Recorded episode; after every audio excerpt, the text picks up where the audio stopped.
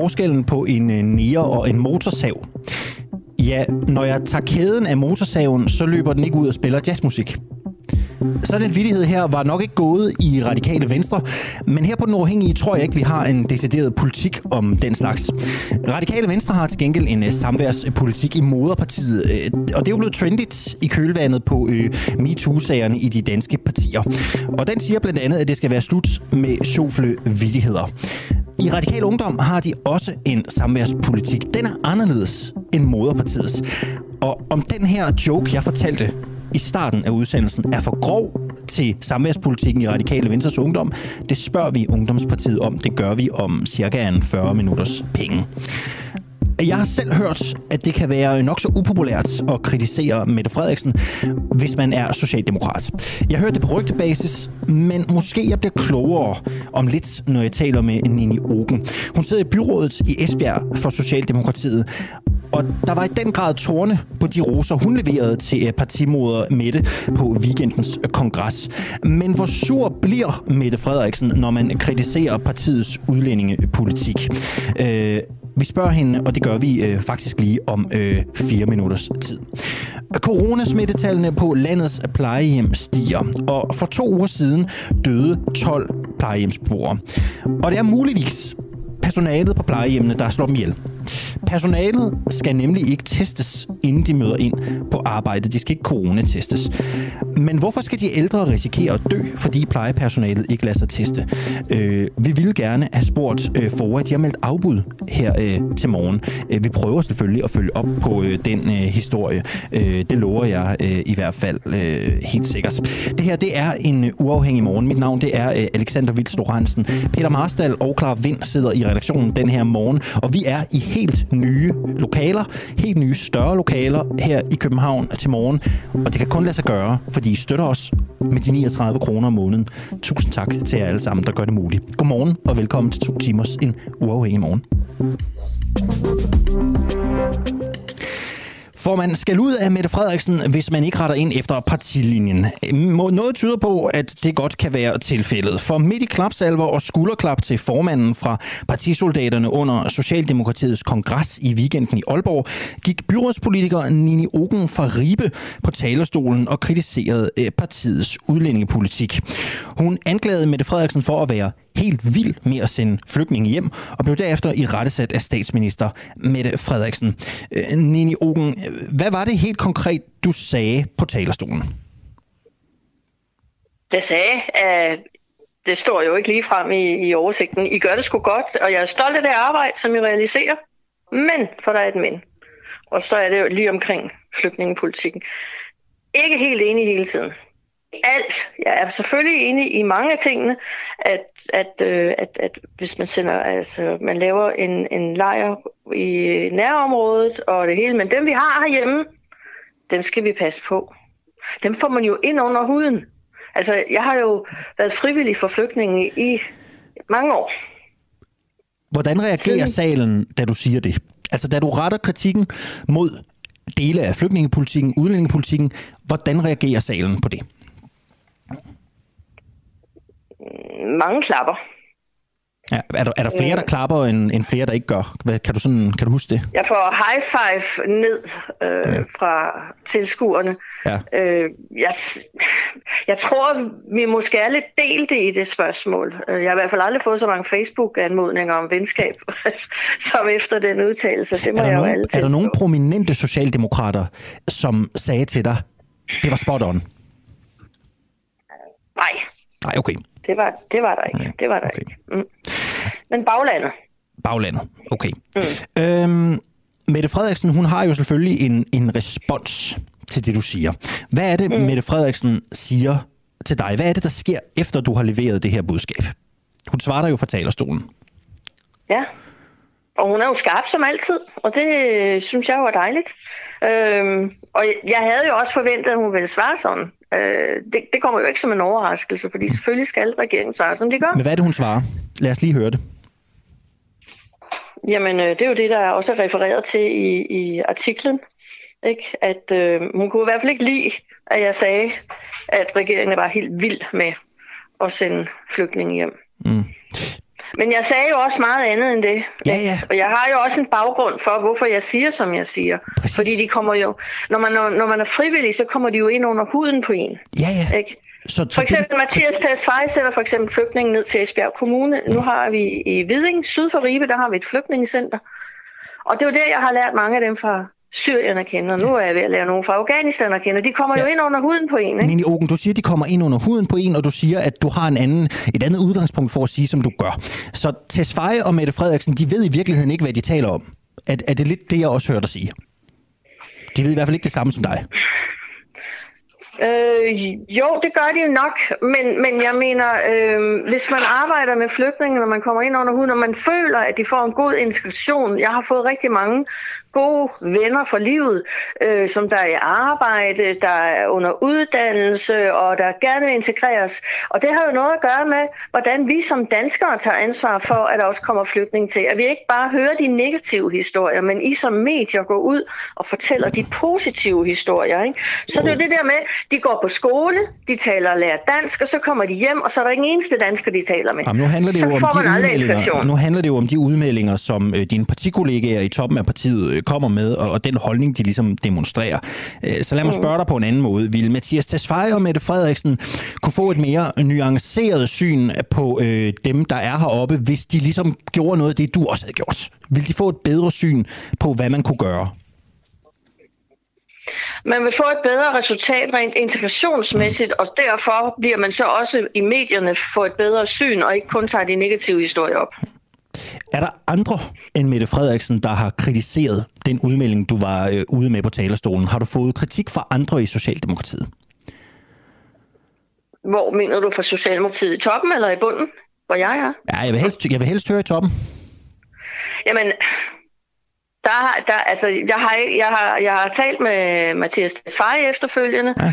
Og, øh, og, Hvad sagde han? øh, og, jamen, han, han, kunne jo, han, han siger jo, at, at, at vi kan jo ikke have dem alle. Vi kan jo ikke have dem alle i Danmark. Øh, og det er jeg også godt klar over. Og de, selvfølgelig skal de også hjem, men jeg kender heller ikke nogen fra Syrien, for eksempel, der ikke gerne vil hjem til deres land igen. Men, men, altså, men så længe, at, øh, at, at, at øh, Bashar al-Assad han sidder på tronen, så tør de jo ikke komme hjem. Og det er bare det, mit budskab er, det er, at jeg vil helst have, at de bliver så længe som muligt og bidrager til samfundet. Fordi så længe de bidrager til samfundet, så er de også med til at bidrage til velfærden. Hvorimod, hvis man siger, nu skal du hjem, og så kommer du i en lejr og sidde, så for det første kører de ned psykisk. Fordi hvad skal der ske, når de kommer hjem? Børnene går det ud over, øh, og de er jo så en belastning for samfundet, fordi de sidder i en lejr og kan ikke sendes hjem. Så derfor øh, har jeg nu øh, sagt til Mathias Tesfaye, at jeg vil gerne en dialog med ham om, hvordan vi kan gøre integrationen meget bedre. Og jeg ønskede, at han vil kalde de er også ind, som der har de positive historier, så vi ligesom kan få bredt det budskab ud, fordi det er jo det, der er vigtigt. Synes du, han lød øh, særlig interesseret i det? Ja, Det gjorde han? Okay. ja, det gør han. Hvad siger? Men det bliver ikke lige på den her tid af, af, Af kommunalvalget. Nej, af kommunalvalget. Det har jeg ikke lige tid til. Prøv at høre her, øh, øh, Nini Ogen. Øh, stiller du op igen? Vil du gerne genvælges? ja da. Ja. Øh, er du ikke i det forkerte parti? Altså sådan helt ærligt, jeg tænker, Socialdemokratiets udlændingelinje er blevet strammere, ikke? Eller de er i hvert fald blevet mere, øh, mere, mere faste, øh, mere strammere i udlændingepolitikken. Øhm, og det kan man også se i, i, i retorikken. Det vil mange i hvert fald mene. Spørgsmålet er, om du ikke vil have det bedre over i Radikale Venstre. Altså er du overhovedet i det rigtige parti, øh, hvis du synes, at det er nødvendigt at lufte den holdning, du går op og lufter? Nej. Jeg er i det rette parti, fordi vi har plads til, at vi kan lufte mm. de bekymringer, vi går med. Ja. Ja, selvfølgelig, man kan aldrig være 100% enig i, hvilket som helst parti, man kommer ind i, og, og det tror jeg heller ikke, at de aldre... Altså, det er ikke alle mennesker, der er 100% enige i deres parti. Og det er det, jeg mener, vi har, luft, vi har luft til, og vi har luft til, at man kan komme ud. Jeg var jo ikke den eneste, der kom ud og ytrede mig omkring udlændingedebatten. Nej, Det var jeg jo ikke hvor på mange partiet, gjorde det? men jeg var lige den første. Og nu var jeg ikke med inde under alle talerne, men jeg ved, jeg var, ikke, jeg var den første på talerstolen, så derfor så blev der lagt mærke til det, men der var også andre, der, der, der ytrede sig om det. Og det skal der være plads til. Ja, hvad snakker vi Jeg om? Er det synes, fem at det- mennesker? Er det, er det fem mennesker? Er det... Åh, oh, det er jeg klar. Det er jeg klar. Okay. Fordi man går ind og ud af salen hele tiden, øh, og har aftaler, man skulle lige tale med nogen og nogle andre og sådan noget. Så, så det, det, vil, det vil jeg ikke kunne sige, hvor mange Okay. der har været i alt. Men jeg var i hvert fald ikke den eneste. Hvor er du mest uenig med Socialdemokratiet politisk? Hvor jeg mest er uenig. Ja. Åh, ja, det er jo nok, at de, sender min, at de vil sende mine, mine, mine gode øh, integrerede venner, øh, at de har den der belastning over hovedet, at de skal sendes hjem, hvor jeg mener, at de bidrager til vores, vores velfærd. Og så længe de gør det, så synes jeg også, at de skal have lov til at blive. Og jeg ved, at mange af dem de vil hjem, når der bliver fred igen. Jeg har selv boet i udlandet, og alle danskerne de klyngede sig sammen i en klynge og boede sammen. Jeg boede bare et andet sted, men hvor var jeg dog glad for, at jeg engang imellem kunne komme hjem. Fordi det er jo ens land, det er jo det, man er født og opvokset i, og det er jo det, der altid sidder tættest på ens hjerte. Så derfor, så ved jeg gerne, at de vil hjem igen. Mm. Men jeg, jeg har det bare sådan, Hvis de nu bliver sendt hjem, hvis de nu ikke Ja. skal være i Danmark mere, melder du dig så ud af Socialdemokratiet? Nej, Det gør du ikke. Okay. Nej. Så større nej, problem er nej, det nej, heller ikke. Nej, nej. Nej, altså det er, jo der, det er jo der, vi skal tage debatten i vores parti. Det, er jo der, man, det er jo derfor, synes jeg, at man får en god indflydelse i ens parti. Det er, at man tager debatten. Hvilke udlændingestramninger, det er Peter Bredal Poulsen, der spørger på Facebook, hvilke udlændingestramninger synes du, der skal rulles øh, tilbage, hvis øh, du fik frit lejde?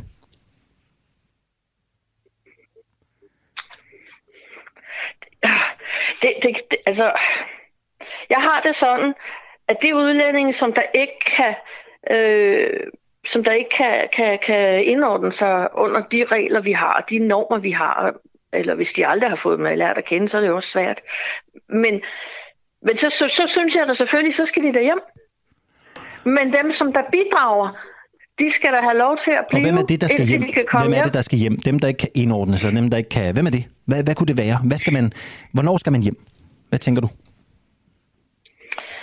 Øh, jeg tænker, at, øh, at øh, dem, som der ikke ønsker at bidrage til vores samfund, Ja, hvad betyder, Det hvad efterlever det? Ja, vores hvad betyder regler. Det? Hvad betyder det? der kan, der kan selvfølgelig være dem, for dem kender jeg også, der har psykiske traumer efter de oplevelser, de har. Men hvis de sidder og ikke vil, ikke har lyst til at øh, arbejde eller tage en uddannelse, så tænker jeg, jamen hvad har de så lyst til? Har de så ikke mere lyst til bare at komme hjem til deres eget land?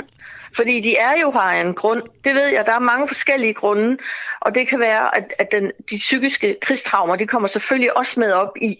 Men, men primært, så er det for at komme i gang med arbejde. Jeg har lige mødt afghanerne, vi har fået hertil.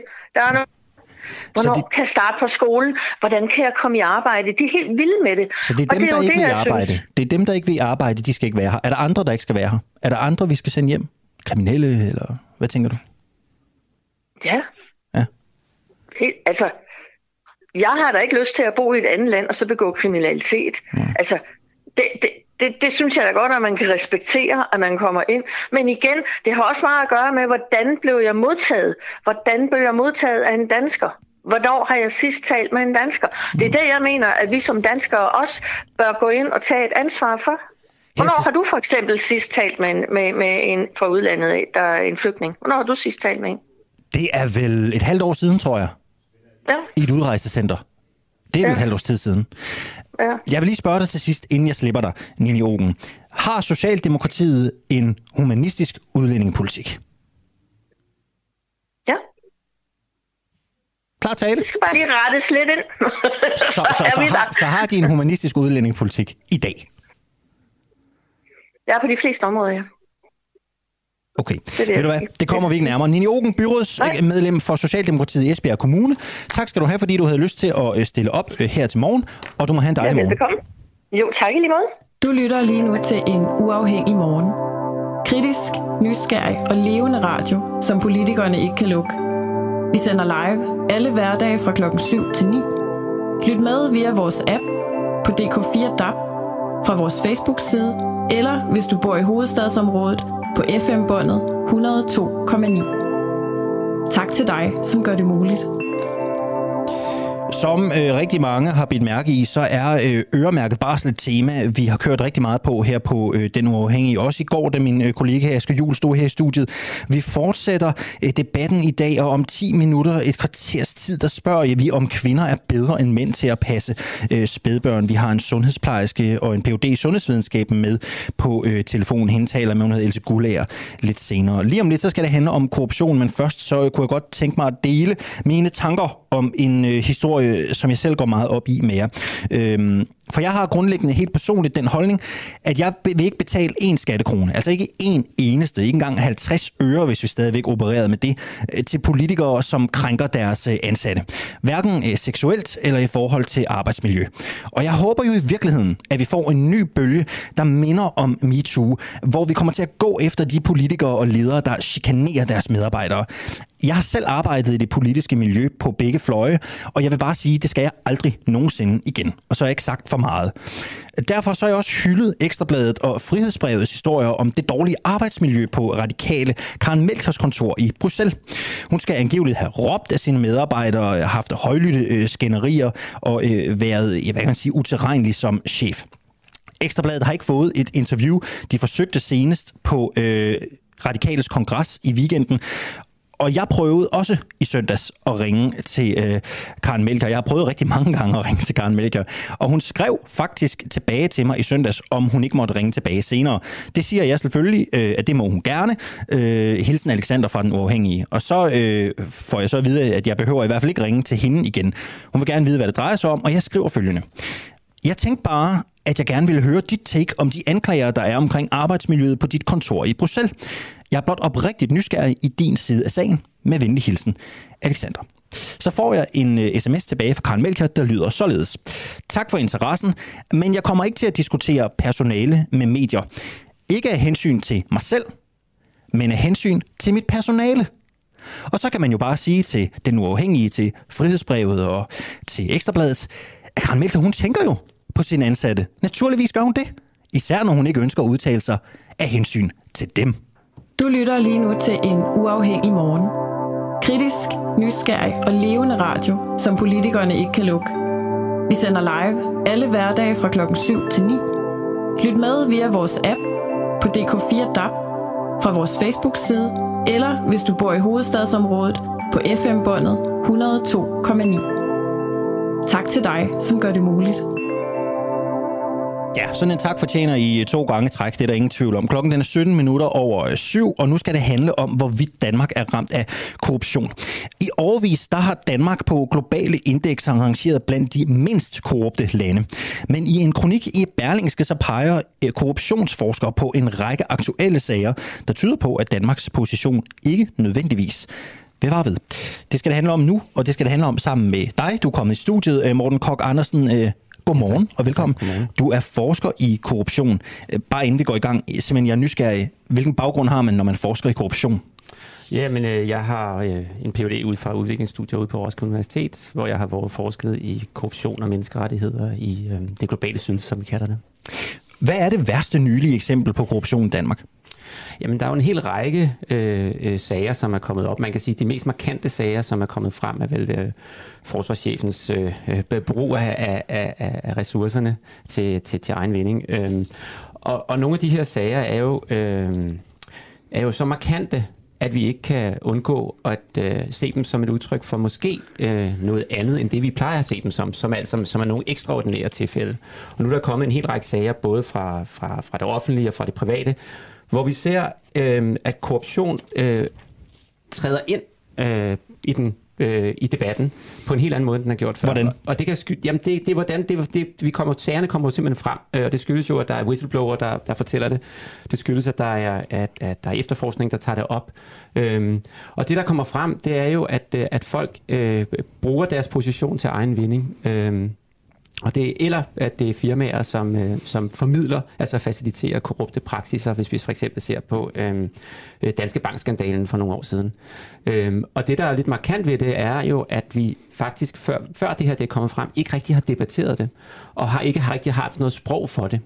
Øhm, så det kommer lidt, hver gang kommer det som en overraskelse, og vi siger, at det er noget ekstraordinært. Men når vi ser på rækken af sager, så kunne man jo godt begynde at spekulere i, om, om der foregår noget andet, om der er nogle dybere liggende tendenser her, som vi ikke har været opmærksomme på. Og hvad mener du med det? Jamen jeg mener, at der ligger, øh, i alle samfund ligger der jo, øh, hvad skal man sige, øh, tendenser til korrupte praksiser. Korruption foregår mellem det, øh, hvad skal man sige, det moralske, umoralske og det legale, illegale. Og det er den, hvad skal man sige, det kontinuum, det spil, som, som, som korruption udfolder sig. Man kan jo godt have en praksis, som øh, anses for at være ulovlig, men som er moralsk accepteret. Det kalder vi sort arbejde herhjemme. Man kan også have den omvendte, at man har nogle øh, praksiser, som er moralsk forkastelige, men som så er juridisk korrekte. Øhm, og der har vi jo haft nogle sager, hvor nogle mennesker har brugt deres position, som ikke har været ulovlige, men hvor der har været, øh, øh, man kan for eksempel tage sagen om det, på Frederiksbergs borgmester, hvor der har været et... Øh, et Hvilken sag tænker du på? Øh, med, hans, øh, med hans lejligheder øh, mm-hmm. af flere omgange. Øh, øh, og der kan man jo sige, øh, det var ikke ulovligt overhovedet. Men er det korrupt? Er det korruption? Ja, det er det, der, det er det, der er interessant her. Øh, fordi vi har jo kun en forståelse af, at korruption er, når det er ulovligt. Øh, I mange andre samfund har vi et langt større spektrum for, hvad, hvad man kalder korruption og hvad korrupte praksiser er. Og jeg plejer at sige, at det er sådan et kontinuum, som starter et sted, og så glider man ned af, af, af, af, af, af rækken. Vil og så du sige, at borgmesteren på Frederiksberg er korrupt? Jeg vil sige, at hvis jeg havde set det ude fra verden af, hvor jeg har lavet meget af min forskning, så vil folk der kalde ham korrupt. Øh, så, så, så det for mig handler det om, hvad det er for en kontekst, det foregår i, og hvordan vi plejer at tale om korrupte praksiser når jeg spørger dig om, og jeg vil lige skynde mig at sige, det er jo et super spændende felt det her, så hvis der sidder nogle lyttere derude og har spørgsmål til Morten Kok Andersen, så skriv ind øh, med dem, øh, enten i kommentarfeltet på Facebook, send en sms til os, øh, så sørger jeg for at bringe dem ind i studiet. Du nævnte forsvarschefen, mm. da jeg spurgte dig ind til det værste nylige eksempel på korruption i Danmark var. Hvorfor er det den værste sag? Jamen, det er jo ikke nødvendigvis den værste sag, men det er de mest markante sager, og det, at det, der gør det, der er ved det, det er, at han har et ekstra betroet ansvar. Øhm, og det er jo derfor, hvor vi ser, hvis han for eksempel øh, begynder ikke at forstå, hvad skal man sige, rammerne for hans egen øh, virke, så begynder man at blive bekymret for, hvad folk ned igennem systemet så forstår som rammerne for deres virke, øh, og deres myndighedsbehandling og deres betroede ansvar. Øh, man kunne for eksempel se, at der var også uddelt utrolig mange mastercards Øh, 15.000, som forskellige medarbejdere kunne gå rundt og bruge. Hvad de var brugt til, det ved vi ikke. Der mangler bilag for en del af det, men det er en del af den praksis, som så indarbejder sig i en institution, hvis toppen begynder at opføre sig på den måde. Og det er jo det, som er risikoen ved det her. Det jeg siger ikke, at de alle sammen er gået rundt og lavet korrupte eller ulovlige handlinger. Jeg siger, at hvis det skør i toppen af systemerne, så har det en tendens til at drive ned igennem den, og så ændre din ramme omkring, hvorpå folk de udfører deres arbejde. Hvor går grænsen mellem, det kan være, det er svært at svare på, hvor går grænsen mellem lobbyisme og korruption? Ja, den er jo også utrolig svær at svare på, og det er jo masser, der har forsøgt øh, på gennem tiderne, øh, at, at, at, at, at man udnytter sin position til at få det, man gerne vil have igennem øh, arbejde med politikere eller andre beslutningstagere, er jo noget, vi ser i alle samfund. Øh, man kan sige, det vi ved, det er, hvis der er en, øh, en, en kuffert for en kontrakt, så ved vi, det er ulovligt. Hvis der er en vendetjeneste, så er det lidt sværere at, at, at, at have med at gøre. Hvis der er det, som vi kalder svingdørsansættelser, så er det endnu sværere med at gøre, for det er jo ikke ulovligt i Danmark for eksempel. Der er jo ikke nogen karensperiode. Man kan jo gå fra at være en magtfuld politiker direkte over at være, blive en, en magtfuld CEO i et firma, uden der er nogen karensperiode. Det er der i de fleste andre lande. Øh, så, så, så på den måde er det jo det er faktisk et utroligt svært spørgsmål at besvare. Øh, men det, der er det bedste ved det, er, hvis vi snakker om det. Men er der noget i de lobbyindsatser, som, som vi kender som klassisk lobbyisme, som ligner korruption? Men det, det, jeg, jeg tænker, at man skal, man skal vende den om på en eller anden måde, fordi det er, jo, det, er jo, det, er jo, det er jo praksiserne, der fylder begrebet ud, og ikke op begrebet, der fylder praksiserne ud. Vel? Så, så man skal se på det, hvad er det der egentlig, der foregår? Og så skal man være præcis, og så skal man undersøge, hvad er det, de har gjort, og hvorfor de har gjort det, og hvad de har fået ud af det. Øhm, og så skal vi have en samtale om, hvor langt vi vil tillade det her at gå. Altså, hvor stort, stort spektrum skal der være for erhvervsklubber og øh, øh, private møder med, med ministerne og den slags. Det er jo en diskussion, vi skal have for at, for at sætte rammerne for, omkring, øh, hvordan myndigheder udfører deres arbejde. Så korruption som sådan er jo bare, hvad skal man sige, det, det er en metabetegnelse om mange ting, men vi er nødt til at kigge på de helt konkrete praksiser for at se, mm. om de balancerer på, især på grænsen af det, af det lovlige ulovlige, men også på grænsen af det moralske umoralske, altså hvad vi vil acceptere i samfundet som god opførsel. Du er du forsker, så der er givetvis grænser for, hvor meget du er villig til at lægge hovedet på bloggen, men hvis vi skal forsøge at øh, kvantificere det her en smule, hvor mange eksempler på korruption kender du til i nyere tid i Danmark? Ja, øh, der kan man jo gøre det op på to forskellige måder. Vi har jo set alle dem, der har været i medierne, og det er, øh, ja, der er kommet en række her i løbet af de sidste 10 år. Øh, det, faktisk havde vi en, for 10 år siden havde vi, havde vi også en, hvad skal man sige, en anden bølge af, af, af sager, der kom frem. Øh, og så har vi det, som er ligger ved siden af, som er alle de øh, Øh, undersøgelser, som har lavet for eksempel af, hvad der foregår ude i kommunerne, hvor folk sådan siger, Nå, men øh, oplever du selv noget øh, her i din kommune? Og der er der masser, der siger, jeg kan da se masser af vendetjenester. Øh, jeg kan da godt se, at der er nogen, der får noget ekstra, som jeg ikke kan få kvad deres position. Men, men, men er det blevet værre eller mindre hvad, hvad, hvad, hvad, over tid? Eller er det, hvad skal man sige, eller hvor mange sager er det, så det dækker over? Det ved mm. vi jo ikke. Men vi ved, at når vi ser alle de her sager, så dækker det nok over et mørketal. Så lad mig spørge dig om noget, fordi noget vi har beskæftiget os med intenst her, og man også mm. har gjort alle mulige andre steder, det er de politiske partiers erhvervsklubber. Ja. Erhvervsklubber mm. betaler øh, op til 20.000, så kan de være anonyme i hvert fald, i støtte til politiske partier. Så kan de komme ind og møde, øh, de kan møde ministre, de kan møde fremtrædende folketingspolitikere, de kan møde Lars Løkke i et erhvervsnetværk. Jeg tror ikke skidt på, at politikerne siger, at, de ikke får, at, at erhvervslivet ikke får noget ud af at betale de der penge. Jeg tror ikke på det. Jeg kan ikke vide det. Men jeg synes, det lugter af korruption. Jamen, øh, det er jo man kan sige, man kan vente den om igen. Nu har de jo balanceret på, at det er 20.000 kroners grænsen. Man kan jo bare sætte grænsen ned til ingenting, og så vil man ligesom skulle opgøre, hvad man Præcis. har gjort. Så det er, jo, det, det er jo en nem teknisk løsning.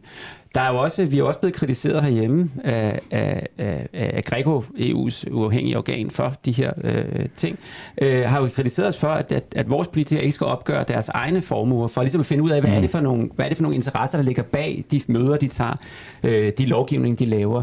Øh, så, så det er jo ikke bare noget, jeg står og siger, eller, eller, eller nogle kritikere står og siger. Det er jo faktisk også noget, som er dybt institutionaliseret i EU, at det her, det skal man altså. Det er en del af den pakke, der hedder demokrati. Vi har så valgt ikke at have det i Danmark af en eller anden grund, fordi vi, og det er her, der kommer til det med forståelsen af korruption, vi forestiller os jo selv, at vi er jo på den højeste hest i det moralske, hvad skal man sige, kapløb. Vi er jo så gode per definition, at vi jo ikke gør noget ulovligt, vi er jo ikke korrupte, alt foregår jo korrekt. Øhm, og det er jo det, som er udfordringen for os, det er, så ser vi alle sagerne, gud, det, er, det gør vi jo ikke. Så hvordan skal vi så genfortælle os selv? Hvordan skal vi genforstå os selv i det her? Øhm, og det er der, den store udfordring ligger. Vores grænse for, hvad vi kalder korruption, er anderledes, end man gør i andre lande. Det var noget af det, du var inde på i starten. Øhm, prøv, skal vi være bekymrede i Danmark i forhold til korruption? Er der nogle alarmklokker, der ringer? Skal vi være bekymrede for det niveau, som du kender til, og som du er orienteret omkring? Er Danmark et korrupt land? Altså, det jeg vil være bekymret for, det er, at hvis vi ikke tager fat i det nu, øh, og begynder at lave noget forebyggelse, altså begynder at have et sprog for det, og vi begynder at diskutere det, ikke jeg siger ikke nødvendigvis den her, det her setup, men begynder at diskutere på det i nogle professionelle kontekster. Hvad der er, der er grænsen mellem det moralske og det legale. Øh, hvordan det folder sig ud i deres kontekst, når de laver deres arbejde. Så tror jeg, vi ser flere sager, fordi så glider vi jo. Vi er jo på vej til at glide ned af en, af en bane, men vi er jo ikke dernede, hvor der er systematisk korruption i Danmark. Men vi er på vej ned, hvor at vi kan, hvis vi fortsætter, så underminerer vi jo hvad skal man sige, langsomt tilliden til hinanden. Og den, den, er, den er jo farlig. Det kan vi jo se i de lande, hvor populismen den, den, den buller derude. Og der kan Danmark også havne, hvis vi ikke gør noget. Ja, det, altså, nu skal jeg ikke jeg skal være sådan en dommedagsprofet, men jeg vil sige, at vi risikerer, at, for, at folks tillid til systemet, altså til autoriteter den slags, vil blive udfordret, og det er jo ikke godt for noget demokrati. Du siger, øh, vi har lige et par minutter til sidst, og, og her skal jeg bare have dig til at være helt skarp, og det kan godt være, at det er mig, der ikke forstår det, fordi det er længe siden, jeg har været på universitetet. Ikke? Du siger, for at modarbejde det her skvært sprog for det, hvad, hvad, hvad skal vi gøre helt konkret? Hvad er det, vi skal gøre for at sikre, at vi ikke ryger ned af den boldgade? Altså det, som jeg også skriver i den kronik, er, at jeg vil jo rigtig gerne have, at vi havde et organ, som ligesom tog sig af forebyggelsen i Danmark. Altså der var simpelthen nogen, der underviste folk i, hvad er det korrupte, hvad er det ikke det korrupte, hvordan folder det sig ud i Danmark, hvordan ser vi det, og hvordan øh, forebygger vi det. Det vil være et, et første skridt på vejen, og så kunne vi jo netop tage de diskussioner omkring øh, øh, erhvervsklubber og alt den slags, som noget, der ligger rundt om den diskussion. Morten Kok Andersen, du forsker i korruption. Det gør du på øh, Københavns Universitet. Tusind tak skal du have, fordi du havde lyst til at øh, være med øh, her til morgen. Ja, tak for det. Halv otte er øh, klokken øh, nogenlunde blevet. Øh, Peter, vil du ikke også tage min telefon med ud? Jeg er simpelthen bange for, at den begynder at interferere med, øh, med udstyret her, så tusind tak øh, skal du have. Du lytter til en uafhængig morgen. Mit navn det er øh, Alexander Vils Lorentzen. Vi kan kun blive ved med at sende, så længe I støtter os. Vi er, øh, og det ved I alle sammen godt, vi siger det hver morgen, men jeg siger det altså igen. Vi er 100% medlemsfinansieret. Det vil sige, at vi lever af de 39 kroner om måneden, som øh, nogen og 3.000 af jer øh, derude, der sidder og lytter med, støtter os med. Øh, det har betydet, at vi har kunne udvide vores morgenprogram. Det har også betydet, at vi øh, lige om lidt kan sætte et nyt øh, eftermiddagsprogram i søen. Vi havde faktisk de første dummy-produktioner på det i går. Det bliver rigtig godt, det skal I glæde jer til. Og et formiddagsprogram er ligesom også undervejs. Øh, det betyder også, at den støtte, I giver os, at vi har kunne rykke i større lokaler, som vi står og sender i her til morgen. Jeg ved godt, hvis man sidder og ser med på Facebook, kan man ikke se ret meget andet end en baggrund, der lige så godt kunne være hvilket som helst andet sted. Men jeg står i et nyt studie, jeg står i et nyt redaktionssetup, det er meget større end det, øh, vi kom fra i sidste uge. Hvis I godt kan lide det, I hører i vores øh, programmer her, så støtter os med de 39 kroner om måneden. Gå ind på vores hjemmeside dua.dk, D-U-A-H.dk. Derinde der kan du læse meget mere om, hvordan øh, vi kan støttes. Øh, du kan også gøre noget helt andet, hvis du tænker, at du gerne vil tage handling nu.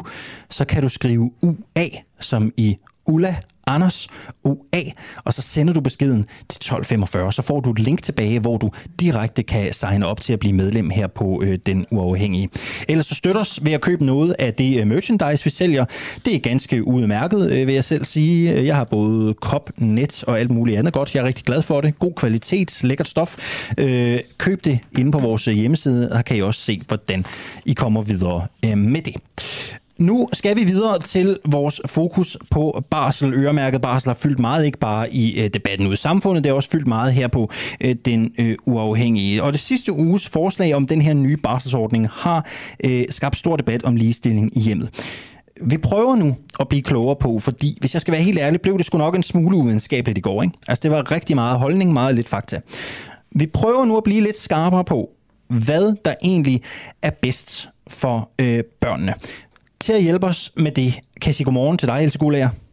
Ja, godmorgen. Du er sundhedsplejerske, og så er du også udstyret med noget så fint som Ph.D. i sundhedsvidenskab. Du arbejder hos Center rigtigt, ja. for Forældreskab, og her beskæftiger du dig med familieliv, børns sundhed og udvikling. Netop. Er der en negativ konsekvens ved, at mødre får mere barsel? Ja, det er der faktisk, øh, fordi det betyder, at, øh, at moren er den, der får patent på alt det der med barnet, og hvordan barnet skal have det, og hvordan barnet har det, og barnet henvender sig til hende, og så videre. Så far kommer rigtig meget i baggrunden. Øh, fordi det er jo klart, jo mere tid man har sammen med sit dejlige barn, øh, jo bedre kender man det. Så man kan sige, hvis man skal sige det ultra kort, ja, der er en ulempe ved, at moderskabet får så dominerende en rolle, at så mangler barnet jo sin far. Du er sundhedsplejerske, du arbejder selv rigtig meget med familie og børn. Kan du nævne et konkret eksempel på, hvor øh, det, at en mor har taget mere barsel, har haft en negativ konsekvens for barnet og familien? Altså et konkret eksempel, øh, der kan jeg øh, jo belægge det med forskellige typer undersøgelser, men ikke ligesom trække en konkret familie frem og sige, i familien Jensen ude på et eller andet sted. Nej, men kender du til, øh, uden at fremhæve en bestemt familie, kender du til eksempler, hvor det er blevet problematisk, at moren har haft mere barsel end faren? Ja, det kan man jo øh, se på alle mulige forskellige statistikker, for eksempel når jo, man men, men kender du fra dit eget virke? Lande. Kender du fra dit eget virke? Fra mit eget virke? Ja. Altså, ja, det kan jeg godt sige. Altså, ja. jeg svarer på rigtig, rigtig mange spørgsmål fra forældre, fordi at, øh, at jeg er redaktør af en hjemmeside, øh, hvor man kan stille spørgsmål. Og der kan jeg bestemt se, at der for eksempel er nogle kvinder, som spørger, hvad pokker skal jeg gøre? Mit barn vil kun være hos mig. Øh, det er mig, der kan putte til at sove. Det er mig, der kan alle tingene. Hvad gør jeg? Og så må jeg jo svare, hvordan får du din medforældre på banen øh, og komme med gode idéer til det. Så ja, det kender jeg til. Mm. Hvad hvad betyder det på den lange bane? Fordi så øh, kan der selvfølgelig være noget om, at, øh, at der er en periode i et, i et spædbarns øh, tidlige livsstadie, hvor øh, barnet er mere knyttet til moren. Hvad kan det have af negative konsekvenser på lang sigt? At øh, barnet kommer til at mangle en, en far barnet kommer til at mangle den tætte kontakt med sin far, hvor faren følger med i, og hvordan går det nu med mit dejlige barn. Det tænker han ikke så meget på. Han er på arbejde. Han beskæftiger sig med nogle helt andre ting. Og når han kommer hjem, er han blevet måske lidt fremmed for barnet. Øh, ikke altid, men, øh, men det er i hvert fald det, der kan ske. Det vil sige, at han får ikke den, den nære kontakt og alle de glæder og bekymringer der følger med. Og det betyder også, at faren og moren ikke er så tætte på hinanden omkring forældreskabet. Det er ikke noget, de gør sammen. Det er noget, moren gør, og faren gør så nogle andre ting. Men det der tætte fællesskab, som man kan have omkring et forældreskab, det kommer jo også til at mangle. Så, så det, er, det er både barnet, men det er også parforholdet, som får det dårligere af det. Og begge forældre i virkeligheden. Det er mor, øh, det er mor der ammer. Sådan er biologien, sådan er biologien yes. i hvert fald indrettet. Ja. Vil barnet ikke altid, fordi det er det her, jeg ikke forstår, vil barnet ikke altid være tættere knyttet til sin mor i øh, øh det tidlige livsstadie? Altså det vil barnet vel bare jo. altid være?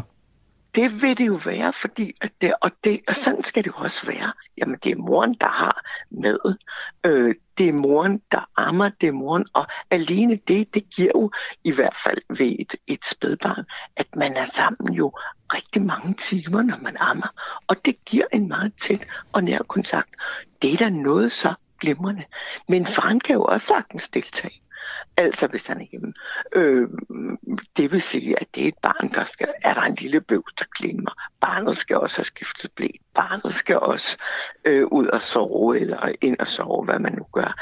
Så der er jo masser af andre ting omkring barneplejen, som faren sagtens kan deltage i. Men du har helt ret i, at den nærkontakt omkring maden og det at blive ammet, det er noget, der foregår mellem mor og barn, og det giver et tæt bånd. Og hurra for det. Vi taler jo rigtig meget om, og, og det er måske her, jeg... Øh det er måske her, jeg er for firkantet, ikke? Det er måske her, jeg, jeg står af i den her debat. Vi taler rigtig meget om det nære forhold, og det, at, at barnet bl- øh, bliver knyttet øh, følelsesmæssigt tættere til faren, hvis også far tager en væsentlig del af barslen. Øhm, det, det handler meget om følelser. Har mødre på nogle punkter bedre biologisk forudsætning for at passe spædbørn? Er der, ligger der biologi i det her også? Altså, Eller kan vi fejre det, det banen? Ja, altså, det kan vi faktisk godt fejre banen. Vi ved, at både fædre og mødre er lige gode til, om man kan sige, den følelsesmæssige tilknytning. Det kan begge parter. Det er begge parter udstyret med glimrende øh, egenskaber, så de godt, det kan de sagtens, begge to, og lige godt. Og hvor er det, vi ved det fra? Det ved vi fra, øh, fra øh, forskellige undersøgelser omkring øh, relationer mellem forældre og børn og tilknytninger og sådan noget. Det er der lavet i de senere år rigtig, rigtig mange ting omkring. Så det ved vi, at både fædre og mødre er gode til at knytte sig til deres børn og gode til at, hvad skal man sige, have hele den følelsesmæssige side af sagen. Det kan de begge to. Hvorfor tror du, den her debat har tendens til at blive så så følelsesbetonet. Hvorfor kan den få så mange følelser op i folk? Ikke? Det så vi også i går. Der, holdningerne er, er fandme skarpt slebet på det her spørgsmål. Hvorfor ja. tror du, det er så øh, betændt, så... Øh, hvor, hvorfor er det så specielt? Jamen, det er jo fordi, det betyder noget for os alle sammen. Vi har alle sammen været børn, og øh, os, der ønsker os børn, vi vi koncentrerer os jo og glæder os og frygter måske meget alle de her ting. Og det gør, at, det, at det får betydning for, for, for alle. Hvad vælger vi? Else Gulager, tusind tak skal du have, fordi du havde lyst til at være med. Du er som sagt sundhedsplejerske og også Ph.D. i sundhedsvidenskab. Lad os lige tage et øh, kort overblik her, mens klokken øh, småt nærmer sig 20 minutter i 8. Vi talte om øh, den kinesiske ejendomsudvikler Evergrande forleden, eller Evergrande. Jeg ved faktisk ikke, hvordan det udtales, det skal jeg være ærlig at sige. Men ejendomsudvikleren har nu lavet en aftale med investorer om at betale renter på et obligationslån, som falder i morgen torsdag. Det oplyser Evergrande til øh, det internationale nyhedsbureau Reuters. Efter det her tiltag, så er den øh, kinesiske valuta blevet styrket som et tegn på lettelse hos investorerne. Torsdag skal Evergrande ligeledes betale 83 millioner kroner dollars på et andet obligationslån, men uden oplysninger om forpligtelsen. Evergrandes problemer med at betale selskabets enorme gæld medførte mandag kursfald på de globale aktiemarkeder, og selskabet det er øh, noteret på øh, børsen i øh, Hongkong. Og øh, det var jo interessant, vi lavede jo et interview øh, med en uafhængig økonom om det her øh, i starten af ugen, øh, som altså sagde, at vi skulle nok ikke frygte en ny finanskrise på grund af det her, men det er altså svimlende øh, beløber, øh, man, øh, man hører om her, som I også øh, kunne høre. Nu skal det handle om, hvor grænsen går for sjofelheder i radikal ungdom. For efter weekendens møde, landsmøde i Radikale Venstre, kom det frem, at partiet i 2021 har fået en ny samværspolitik, som er meget gennemgribende. Det skal blandt andet være slut med sjofle vittigheder, kommentarer og lyde, lyder det blandt andet ifølge Danmarks Radio. Samværspolitikken den kom efter at partiet smed den tidligere formand Morten Østergaard på porten for seksuelle krænkelser. Ingen fra moderpartiet vil stille op til interview om sagen, men vi prøver i stedet her på den uafhængige at undersøge, hvor grænsen for sjofleheder går i Ungdomspartiet. Godmorgen, øh, Valdemar Klinken. Godmorgen. Du er formand for hovedbestyrelsen i Radikal Ungdom. Øhm, må man godt lave sjofle i Radikal Ungdom? Som udgangspunkt, så er det selvfølgelig ikke okay at lave vidigheder, der er groft nedladende, eller altså på anden måde fortælle et medlem, at øh, de er mindre værd. Mm. Om man så dø med et glimt i øjet eller alvorligt ment, øh, så det er ikke en adfærd, som vi synes generelt er okay i radikale ungdom. Har I haft problemer med sjofle vittigheder i, øh, i Ungdomspartiet? Er der, har I oplevet, at nogen er gået over grænserne? Vi har jo hele tiden en, en løbende samtale om, hvor grænsen skal gå. Øh, i, det har man i alle fællesskaber, også i radikal ungdom. Øh, jeg har, vi har ikke haft oplevelser, Nej. så vidt jeg kendt, hvor nogen har bevidst følt sig trådt over tæerne, men ligesom i alle andre fællesskaber med mm. mennesker, der har opstået misforståelser. Og ja. det er jo en del af det at håndtere det, som er vores ansvar i et ungdomsparti. Det er også derfor, vi har en, en samværspolitik, øh, hvor vi klart skriver, don't be an asshole i radikal ungdom. Der respekterer vi hinanden. Mm. Og, og når sådan en som jeg kommer udefra og hører, at man øh, skal passe på med sjofle og kommentarer, så er der jo ikke rigtig nogen, der fatter det. Eller det kan i hvert fald være svært for mange at forstå, hvad det er, der helt konkret menes. Lad mig lige prøve at teste af her. Jeg læser lige en vittighed op, og så skal du fortælle mig, om den er over grænsen eller ej. Øhm, hvad er forskellen på en myg og en blondine? Jeg ved ikke, kender du svaret på den vittighed? Nej. Nej.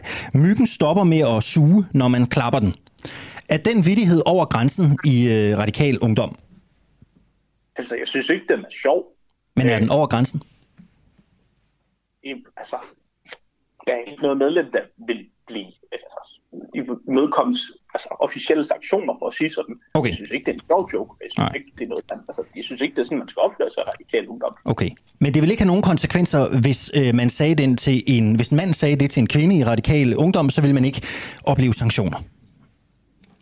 Altså, det er jo altid en, en, en, en skala. Jeg synes, det er rigtig, rigtig svært at sidde her øh, og kommentere mm. enkelte sager, som det du her skitserer i, i et fiktivt eksempel øh, noget af det heldige ved at være et ungdomsparti ja. som radikal ungdom, hvor vi har arbejdet med det her i rigtig mange år. Men vil du kunne forstå, hvis nogen blev krænket ved at få den vidighed? Vil du kunne forstå det? Ja, fuldstændigt. Det kunne du godt forstå. Okay. Men ingen sanktioner for den, der sagde den? Nej, det synes jeg simpelthen okay. ikke, jeg, jeg har siddet og sagt. Okay. Der, der er forskel på at snakke om sanktioner i det, i det yderste eksempel, altså for eksempel eksklusion, og så snakke om, at vi selvfølgelig arbejder med, hvordan vi handler uacceptabel adfærd i vores fællesskab. Generelt oplever vi ikke, at der er nogen medlemmer af radikal ungdom, der møder op til vores fællesskab, eller i hvert fald meget, meget få medlemmer, der møder op til vores fællesskab med et bevidst ønske om at tage andre over tværen. Øhm, og derfor er det jo ikke, vi skal jo ikke behandle hinanden, som om, at vi kommer med et ønske om at træde hinanden over tæerne som udgangspunkt. Det handler om at snakke om, at når man siger sådan, så gør man andre kede af det. Og så tage en snak om, at det er ikke sådan en adfærd, man skal udvise, fordi den gør andre okay. folk kede af det. Jeg prøver lige en mere her. Hvorfor gav Gud mænd en penis? Det øh, gjorde Gud, så de i det mindste havde en måde at få kvinder til at være stille på. Er den over grænsen i radikal ungdom? Jeg synes ikke, det er en sjov joke. Jeg synes ikke, det er en okay joke, øh, fordi den også generelt er nedlandet mod kvinder. Okay. Det synes jeg ikke, man skal opføre sig over. Mm. Okay, så er den over grænsen? vil man, vil, man, øh, vil man møde sanktioner i radikal ungdom, hvis man luftede den vidighed? Hvis jeg gav den til et øh, kvindeligt medlem af partiet, efter at have indtaget et par øl, vil jeg få at vide, at det går ikke her? Ja, du vil få at vide, at det går ikke her. Okay, Hvis det er det, du mener med sanktion. ja. Men jeg vil ikke blive smidt ud, eller, eller noget. Få frataget en post, hvis jeg havde sådan en. Jeg synes, det er et meget, meget hypotetisk øh, og useriøst øh, spørgsmål. Altså, det har jeg simpelthen svært ved at sidde og forholde mig til. Okay, Øh, så det kan du ikke udelukke, at det ville få. det, det, jeg synes simpelthen ikke, at, at det er passende at sidde og skulle diskutere så øh, personlige samværsdager øh, på, øh, på åben presse. Altså, det handler jo også om, at man som offer, der har oplevet noget ubehageligt, skal være tryg i, at man kan gå til ledelsen og uden at Men Klinken, det er fordi, vi ikke forstår det. Det er fordi, pressen forstår det ikke. Vi forstår ikke, når nogen siger, man ikke må øh, øh, komme med sjofle vittigheder, eller sådan noget. Det, det, det betyder jo, at I må have gjort en, en, en tanke omkring, hvad der er acceptabelt og hvad der ikke er acceptabelt. Mm-hmm. Folk kan ikke forstå det. Så derfor så prøver vi at blive klogere på, hvor går grænsen? Hvad må man sige, hvad må man ikke sige? Ikke? Kan du, kan du forstå, hvor jeg vil hen? jeg forstår godt, at det kan være svært at forstå udefra. Det er jo også fordi, at vi i et ungdomsparti, radikal ungdom, løbende har den her samtale med os selv. Løbende har en inddragende samtale i blandt andet den her hovedbestyrelse, jeg er leder, hvor vi tager snakken om, hvordan opfører vi os over for hinanden mm. på en måde, så alle har det godt, og alle har det rart. Og så er det jo meget, meget svært at hive en enkelt konklusion fra den samtale ud, og så forstå den løsredet fra en, fra en lang samtale, man har haft om, hvad for et fællesskab man skal være. Så jeg forstår sagtens, at det kan være svært at forstå. Men det er jo også fordi, at dem, der skal forstå det, er jo først og fremmest de medlemmer af radikal ungdom, der sidder og har haft dårlige oplevelser. Og de skal vide, at hvis man har oplevet noget, der ikke er rart, eller noget, der er ubehageligt, så ved man, at der er nogen at komme til. Så det er den Det krænkede, derfor- det er den krænkede, der definerer, hvor grænsen går. Der er ikke noget mål for partiet for, hvad man kan og hvad man ikke kan. Det vil altid være den krænkede, der har ret. Altså man efterstræber selvfølgelig at behandle hinanden ordentligt. Altså jeg kender meget få, hvis ingen mennesker, der hvis de får at vide, det her du gjorde her, det gjorde en anden ked af det, så ikke vil tænke, okay, så skal jeg måske genoverveje, hvad for nogle jokes jeg fortæller. Men hvis man nu ikke synes, det er forkert, er det så den krænkede, der har ret i radikal ungdom? Vil det så altid være den krænkede part, som får at vide, det kan jeg godt se. Det, det er et problem. Det gør vi noget ved. Er det altid den krænkede, der har ret i radikal ungdom? Det synes jeg bliver en måde at sætte det op, som jeg ikke kan genkende bliver et problem øh, i, i vores konkrete arbejde med samvær og trivsel i radikal ungdom.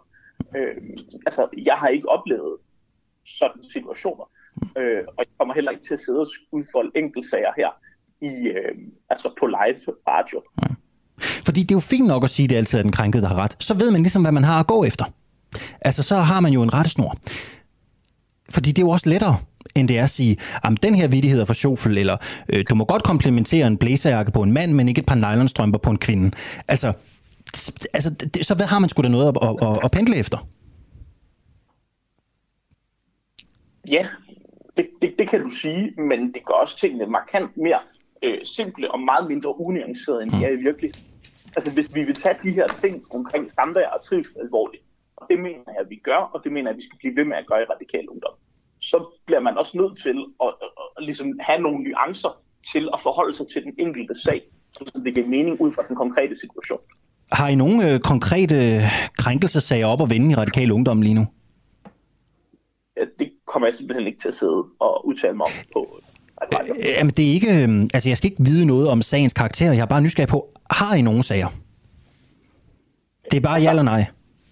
for mig at se, at det er et groft overgreb på offernes retssikkerhed, hvis der skulle være så nogen, at de skulle sidde og kunne øh, gætte eller gætte på, om at deres sager blev delt øh, på øh, live Jamen, der er, ikke, der er ikke nogen sager, der bliver delt, Valdemar Klinken. Der er ikke nogen sager, der bliver delt. Jeg spørger bare, er der konkrete krænkelsesager i radikal ungdom nu?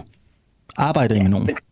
Men det, øh, det, er et, altså, det er et helt konkret princip, jeg har om, at sådan nogle ting skal man ikke snakke om Okay. øh, på live radio for at beskytte offrene. Og det Okay. mener jeg, at det er helt rigtigt at gøre. Okay. Alright, ved du hvad, øh, det kommer vi ikke tættere på. Valdemar Klinken, tusind tak skal du have, fordi du havde lyst til at være med og gøre os lidt klogere på samfundspolitikken i radikal øh, ungdom. Kan du have en øh, god onsdag, når du kommer dertil? I lige måde. Tak skal du have. Du lytter til Den Uafhængige. Danmarks måske mest kritiske, nysgerrige og levende taleradio. som politikerne ikke kan lukke. Mere end 3.000 medlemmer støtter os allerede, og jo flere vi er, jo mere og jo bedre journalistik kan vi sende ud til dig. Se hvordan du kan støtte os. Gå ind på duah.dk. Lige om lidt, så skal det handle om rigsretssagen mod Inger Støjberg. I går, der var det 9. dag øh, for rigsretssagen, og der sker jo hele tiden øh, nye ting. Øh, særdeleshed på Inger Støjbergs egne platforme. Øh, måske I øh, fandt ud af, eller endda fulgte med i, at Inger jo havde et call-in talkshow i går aftes øh, på sin øh, Facebook-profil. Øh, man kunne ringe ind, og så kunne man stille Inger Støjbergs spørgsmål til rigsretssagen. Øh, der var bare et arbejde at for at kunne ringe ind, skal man jo have telefonnummeret derind, og det kunne man kun få, hvis man altså havde støttet Inger Støjberg Støjbergs øh, platform med de her 25 kroner om måneden. Jeg så ikke selv ret meget af det, øh, så jeg skal ikke rigtig kunne sige noget om, om indholdet, øh, men det så meget professionelt afviklet ud, og som alt andet Inger Støjberg jo render rundt og laver på sin egen øh, platform der. I kan jo gå ind og se med. Øh, jeg tror, at hele streamet ligger tilgængeligt på Inger Støjbergs øh, Facebook-side. Øh, vi har jo her på Den Overhængige valgt at give de her 25 kroner om måneden, for at kunne følge med i, hvad Inger egentlig selv siger om øh, dagsformen i rigsretssagen. I sin video fra i går aftes, der fremhæver Inger Støjberg sin tidligere særlige rådgiver, eh, Mark Thorsen, fordi han blev afhørt i går. Inger Støjberg siger selv, at hun brugte Mark Thorsen meget til at være bindeledet til medierne, og uddyber i det klip, I eh, skal høre her. Og netop det, at han var bindeledet til medierne, det kom til at fylde rigtig, rigtig meget i dag, fordi noget af det, som øh, anklagerne borede meget i selvfølgelig, det var den øh, pressemeddelelse, der blev øh, sendt ud i forbindelse med øh, indgrebet omkring øh, barnebrudene, øh, og, øh, og hvordan den øh, kom til verden. Det og så de øh, øh, svar til Folketinget, som var blevet sendt herover, det er jo sådan, at folketingsmedlemmer, jo især oppositionens, men, men også nogle gange dem, der er fra støttepartierne, stiller et hav af spørgsmål til ministre. Øh, Øh, og nogle af dem er sådan faktuel karakter, og så er der nogle af dem, der er mere politisk karakter, og det er jo der, hvor en uh, spindoktor også øh, kommer ind. Så altså, det var nogle af de ting, han blev øh, afhørt i øh, i dag, og det tog øh, hele dagen øh, at få ham øh, afhørt. Øhm, vi har jo deltaget i de øh, samme møder, øh, Mark Thorsen og jeg, og derfor så øh, er det jo helt naturligt også mange af de samme svar, som anklager fik fra ham i dag, som de fik fra mig, i og med, at det er referat fra møder og, og den slags, og hvordan vi, vi oplevede det. Så, øh, så der er selvfølgelig et, et vist øh, overlap, men, men jo selvfølgelig også med, med forskellige vinkler, fordi hans vinkel er jo at være øh, spindoktoren, pressemanden. Øh, og jeg tror i virkeligheden, dem der sad inde i, øh, i lokalet i dag, fik, tror jeg, egentlig et ret godt øh, indblik i, hvad laver en spindoktor egentlig, og, og, og hvor meget foregår der egentlig øh, omkring sådan en pressemeddelelse, men, men hvad foregår der egentlig også, hvis en minister skal i samråd øh, af forberedelse inden, af kontakt til styrelser, men også organisationer, der skriver ind og sådan noget. Så jeg tror egentlig, hvis man havde været i rigsretten i dag, så tror jeg faktisk, at så, så ville man få sådan et, et noget andet indblik i, måske også lidt mere kedelig, øh, end i, hvis man øh, så på, på tv, hvad en spindoktor laver. Øh, og især hvis man ser sådan noget House of Cards og sådan noget. Sådan, sådan fungerer det simpelthen ikke i virkeligheden, og det er nok også godt det samme. Så mødes vi igen, Ulrik Dalin. Godmorgen. Godmorgen. Du er journalist på Information, og så dækker du jo sagen øh, tæt, og er jo også sammen med Anton Geist, vores rigsretskorrespondenter her på Den Uafhængige. Det tænker jeg godt, jeg kan kalde dig. Øh, du, har, du, har du hørt det her klip, jeg har spillet? Kunne du lytte med? Det ved jeg faktisk ikke, om du kan her ja, i vores nye setup. Øh, det kunne jeg godt denne her gang, og jeg har også hørt det i går aftes, da en af dine kolleger satte det til mig. Hvad er din reaktion på det, Støjberg siger i klippet? For jeg synes jo, nu handler det om noget af det, der er rigtig spændende. Ikke? Det er Støjberg og hendes tætte allierede Mark Thorsen og deres agerende i den her sag. Hvad er din umiddelbare reaktion på det, hun siger? Øh, jeg vil sige, at jeg, jeg synes, det finder øh, Inger Støjbergs udtalelser, hvis det skulle tjene som et referat fra dagen i går, en lille smule småsnakkende. Øh, men hun har for så vidt ret i, at der ikke kom noget frem øh, under afhøringen af den særlige rådgiver Mark Thorsen, som ikke tidligere var kommet frem i Instrukskommissionen. Det er ikke overraskende, at Mark Thorsen, som jo har været pot og pande med Inger Støjberg i mange, mange år, at han har en forklaring om forløbet, som ligger sig helt i forlængelse af Inger Støjbergs. Og den går i korthed ud på, at øh, Inger Støjberg ville meget, meget gerne have adskilt alle asylpar, men da hendes embedsværk fandt ud af, at det kunne man ikke, så accepterede hun det. Han deler forløbet op i tre faser. Først er der en fase, hvor tilkendegivelserne fra embedsværket er, at Inger Støjberg har meget hvide rammer for at gøre, hvad hun vil. Det er hendes centre. Øh, så kommer der en anden fase, hvor den daværende Uffe, departementchef Uffe Torgdal Petersen af politiske grunde øh, ønsker, at der skal være en såkaldt kattelem. Og det vil sige, det var det ord, man brugte for en ordning, hvor der altså var undtagelser. Det vil sige, at der ville være par, som måske ikke skulle adskilles. Og det er igen en anden måde at sige på, at en ordning med undtagelser, altså med kattelem, vil være en lovlig ordning, i modsætning til en ordning uden undtagelser, som ville være ulovlig. Endelig kommer der... Den, den, den kattelem, som Uffe Tordal Petersen ville have, den var politisk begrundet.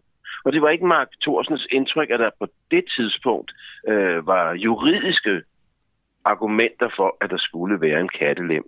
Men det bliver der så til gengæld i den tredje fase, som ligger omkring den 8., 9., 10. februar 2016, som jo er de afgørende dage i det her forløb.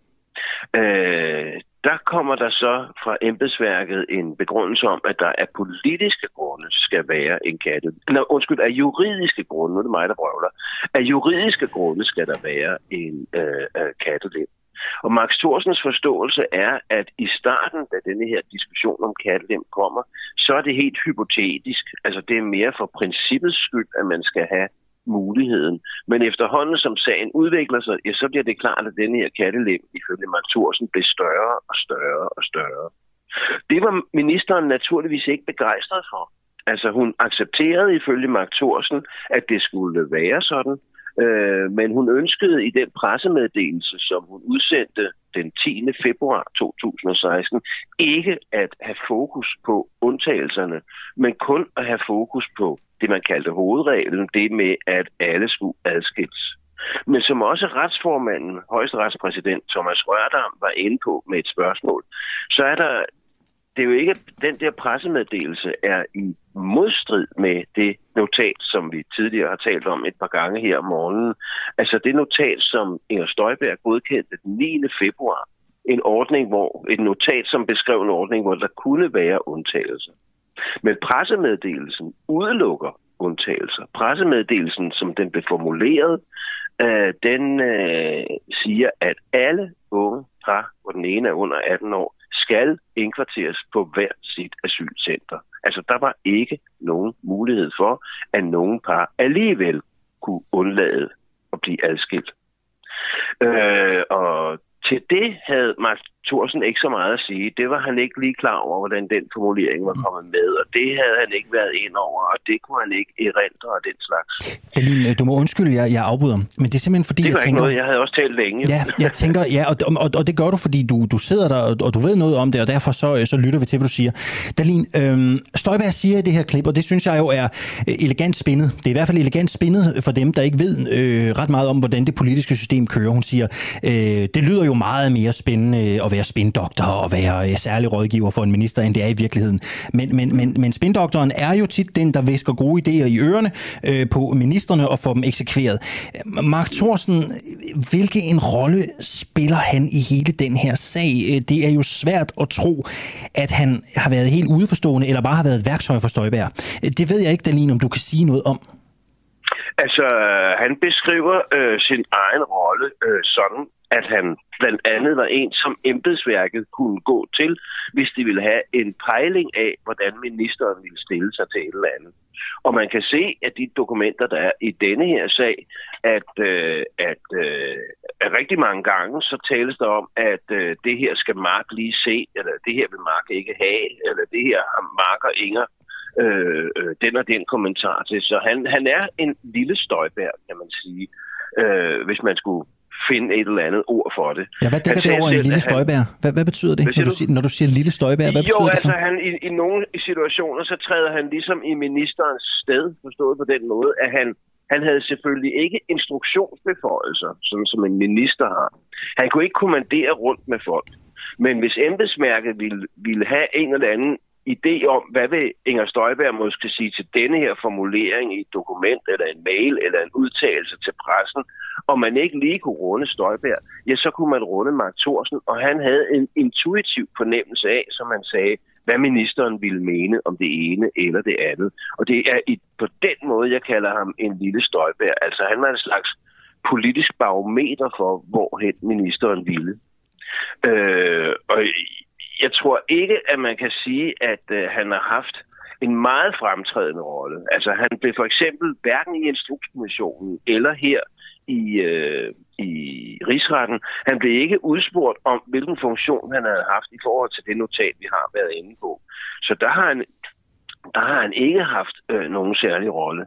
Men man kan se for eksempel, når der har været øh, pressehenvendelser meget tidligt i forløbet, at så har han kommanderet lidt med embedsmændene og sagt, nej, sådan skal man ikke svare, og, og så videre. For eksempel Jyllandsposten øh, havde på et tidligt tidspunkt i forløbet en artikel, det var måske en uges tid efter at pressemeddelelsen fra den 10. februar, hvor en række jurister vurderede, at det kunne være i strid med menneskerettighederne at adskille alle unge par sådan som der jo stod i pressemeddelelsen, at man skulle gøre.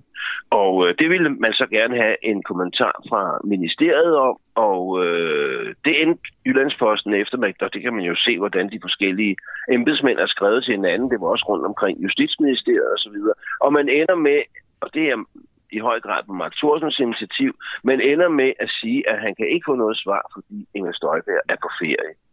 Øh, og det var fordi, at man fra embedsværkets side havde lagt op til faktisk at give ham et nogenlunde ærligt svar, men øh, det fik øh, øh, Mark Thorsen sat en bremser for. Øh, altså han ville have et andet svar, og da min embedsværket ikke ville gå med til det, ja, så endte man altså med at øh, give det forkerte svar, at Inger Støjberg var på ferie. Nu er øh, jeg desværre i dag ikke lige ramt af erfaringen, men det var ikke dig, der var med i går, vel? Det var Anton Geist, der var med sammen med Asger i går, ikke sandt? Nej, jeg tror, det var mig. Det var dig, der var med jeg ved, det, jeg ved, det var mig. Det var dig. Øh, ja. ja, fordi jeg, jeg tænkte egentlig, jeg ville spørge om, men det, det gemmer jeg så til Anton, det der med, hvad, den, hvad udfaldet bliver af den her sag. Men det svarede du på i går, det var dig, der var med. Øh, Dalin, hvad, hvad er det næste, der skal ske? Altså, hvad er øh, næste kapitel, der skal skrives i, øh, i, i, i rigsretssagen her? Hvad, hvad, hvad, hvad venter vi på nu? Vi venter på fredag på, at øh, der skal tidligere departementchef Uffe Tordal Petersen afhøres.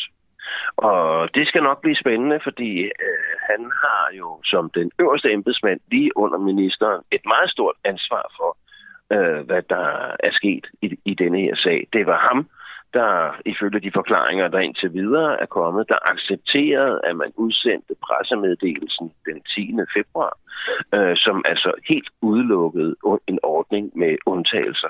Og hans forklaring i Instrukskommissionen var, at han som øverste chef skulle have maskinen til at køre. Han kunne ikke have et ministerium, hvor ministeren stod i det ene ringhjørne, og øh, embedsværket stod i det andet ringhjørne. Så han accepterede altså, at der røg nogle sætninger ud af pressemeddelelsen, øh, hvor efter den blev undtagelsesfri og dermed ulovlig. Og det kan jo blive interessant at høre, hvordan han nu i rigsretten vil forklare det. Han risikerer ikke selv noget, fordi han er pensioneret, så han har altså ikke på linje med nogle af de andre embedsmænd, der skal afhøres, sin egen røv op på kogepladen, hvis man må sige det lidt bramfrit. Og hvorfor risikerer han egentlig ikke noget? Han kan ikke, han kan ikke straffes, fordi han er pensioneret. Ja, han er ikke længere ansat i statens tjeneste. Så han, man, man kan ikke få nogen form for dom overhovedet i hans tilfælde. Der er ikke noget, der kan ramme ham. Nej, ikke i forbindelse med den her sag. Nej, Nej. det kan han ikke. Altså, det er den, den, den, den risiko, de andre embedsmænd, som stadigvæk er ansat i det offentlige løb, det er jo, at når rigsretten mod Inger Støjberg er forbi, så skal deres arbejdsgiver jo vurdere, om der er grundlag for en disciplinær sag mod dem. Og der var jo en række øh, topembedsmænd, som fik relativt hård kritik af Instrukskommissionen. Øh, og det er jo så op til deres nuværende arbejdsgiver, når rigsretten er færdig, og vurdere, om der er grundlag for en disciplinær sag. Men i og med, at Uffe Tordal Petersen altså ikke længere er ansat i staten, ja, så er det ikke en klemme, han står i. Ulrik Dahlin, øh, tusind tak, fordi jeg igen måtte øh, ringe til dig, vi snakkes ved. Jeg tror ikke, man kan sige ja, det, det meget anderledes. Ja. Ha' en uh, god morgen og god arbejdsdag, når du kommer uh, dertil. Klokken den er 4 minutter over 8 her på en uafhængig morgen. Uh, måske er du allerede en af de 3.200 mennesker, der støtter os. Uh, men ellers vil jeg altså varmt opfordre dig til at uh, støtte uh, projektet uh, her. Det koster 39 kroner om måneden, eller 349 for et år. Du får simpelthen rabat, hvis du vælger at støtte os et år ad gang. Og så støtter du den journalistik, vi producerer her. Du støtter øh, medarbejderne. Der er nogle enkelte medarbejdere, der er ansat her, som får en, en meget lille øh, pose penge. Det er langt under, hvad man vil få alle mulige andre steder. Øh, og du får også adgang til vores lukkede Facebook-gruppe. Det er den, der hedder øh, Den Uafhængige Redaktionslokale. Her der er der en livlig debat om udsendelserne. Der er ris, der er ros, der er forslag til historier, vi skal dække, og rigtig mange af de historier, der bliver foreslået derinde, de bliver faktisk sat i øh, produktion og bliver også eksekveret herinde i studiet. Og så deler vi også en sjældent gang behind the scenes øh, indhold. Øh, det gjorde vi blandt andet i øh, går aftes, hvor man kunne øh, få lov til at se et billede fra det nye studie, jeg står i her øh, til morgen. Øh, det ligner jo egentlig det gamle, i hvert fald hvis I sidder og ser med øh, på, øh, på kamera, men jeg kan fortælle, det er et meget bedre studie, der er bedre lyd, det er meget større, der er et dejligt regirum til min producer og min øh, tilrettelægger, der sidder herude på den anden side af døren, og så er der en sådan nærmest New Yorker-inspireret redaktionslokale herude øh, øh, bag ved mig. Øhm, du kan blive medlem enten ved at gå ind på vores hjemmeside, støtter os øh, der. Du kan også tage din telefon og skrive UA, Ulla Anders, og sende den til 1245. Vi har opdateret det link, du øh, får tilbage, så det er nu endnu hurtigere at blive medlem. Og angiveligt, så skulle man altså kunne gøre det på under 30 sekunder, bliver jeg øh, visket i øh, øret. Hvis du ikke har råd til at støtte os med 39 kroner, så er det også helt fint. Det her det er kritisk journalistik til masserne, så du er også velkommen til at lytte med øh, og se med, hvis du ikke betaler. Øh, til gengæld kunne du måske hjælpe os med at øh, finde nogle af de øh, gode historier, vi så gerne vil fortælle her på øh, kanalen. Øh, jeg havde rigtig, rigtig svært ved at få ud af Valdemar Klinken fra hovedbestyrelsen i Radikal Ungdom, om der eksempelvis er krænkelsesager i Radikal Ungdom øh, for tiden. Og, og hvis du sidder derude og ved noget om det, så vil vi jo rigtig gerne fortælle de her historier, eller noget om dårligt arbejdsmiljø i de politiske partier. Og du kan altså også tippe os her på Den Uafhængige, det vil vi blive rigtig glad for. Du lytter lige nu til Den Uafhængige, Danmarks måske mest kritiske, nysgerrige og levende radio. Hvis du har en god idé til en historie, så skriv til os på Facebook, eller send os en mail. Adressen finder du på hjemmesiden.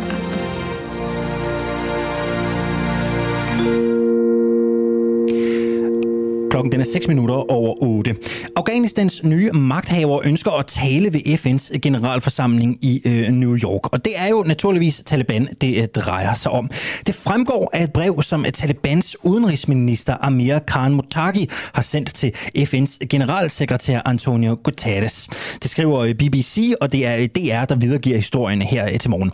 I det her brev, øh, der skriver øh, Talibans udenrigsminister, at bevægelsen ønsker at nominere øh, Sohail Ismail Shahin, som er talsmand øh, som FN-ambassadør for Afghanistan.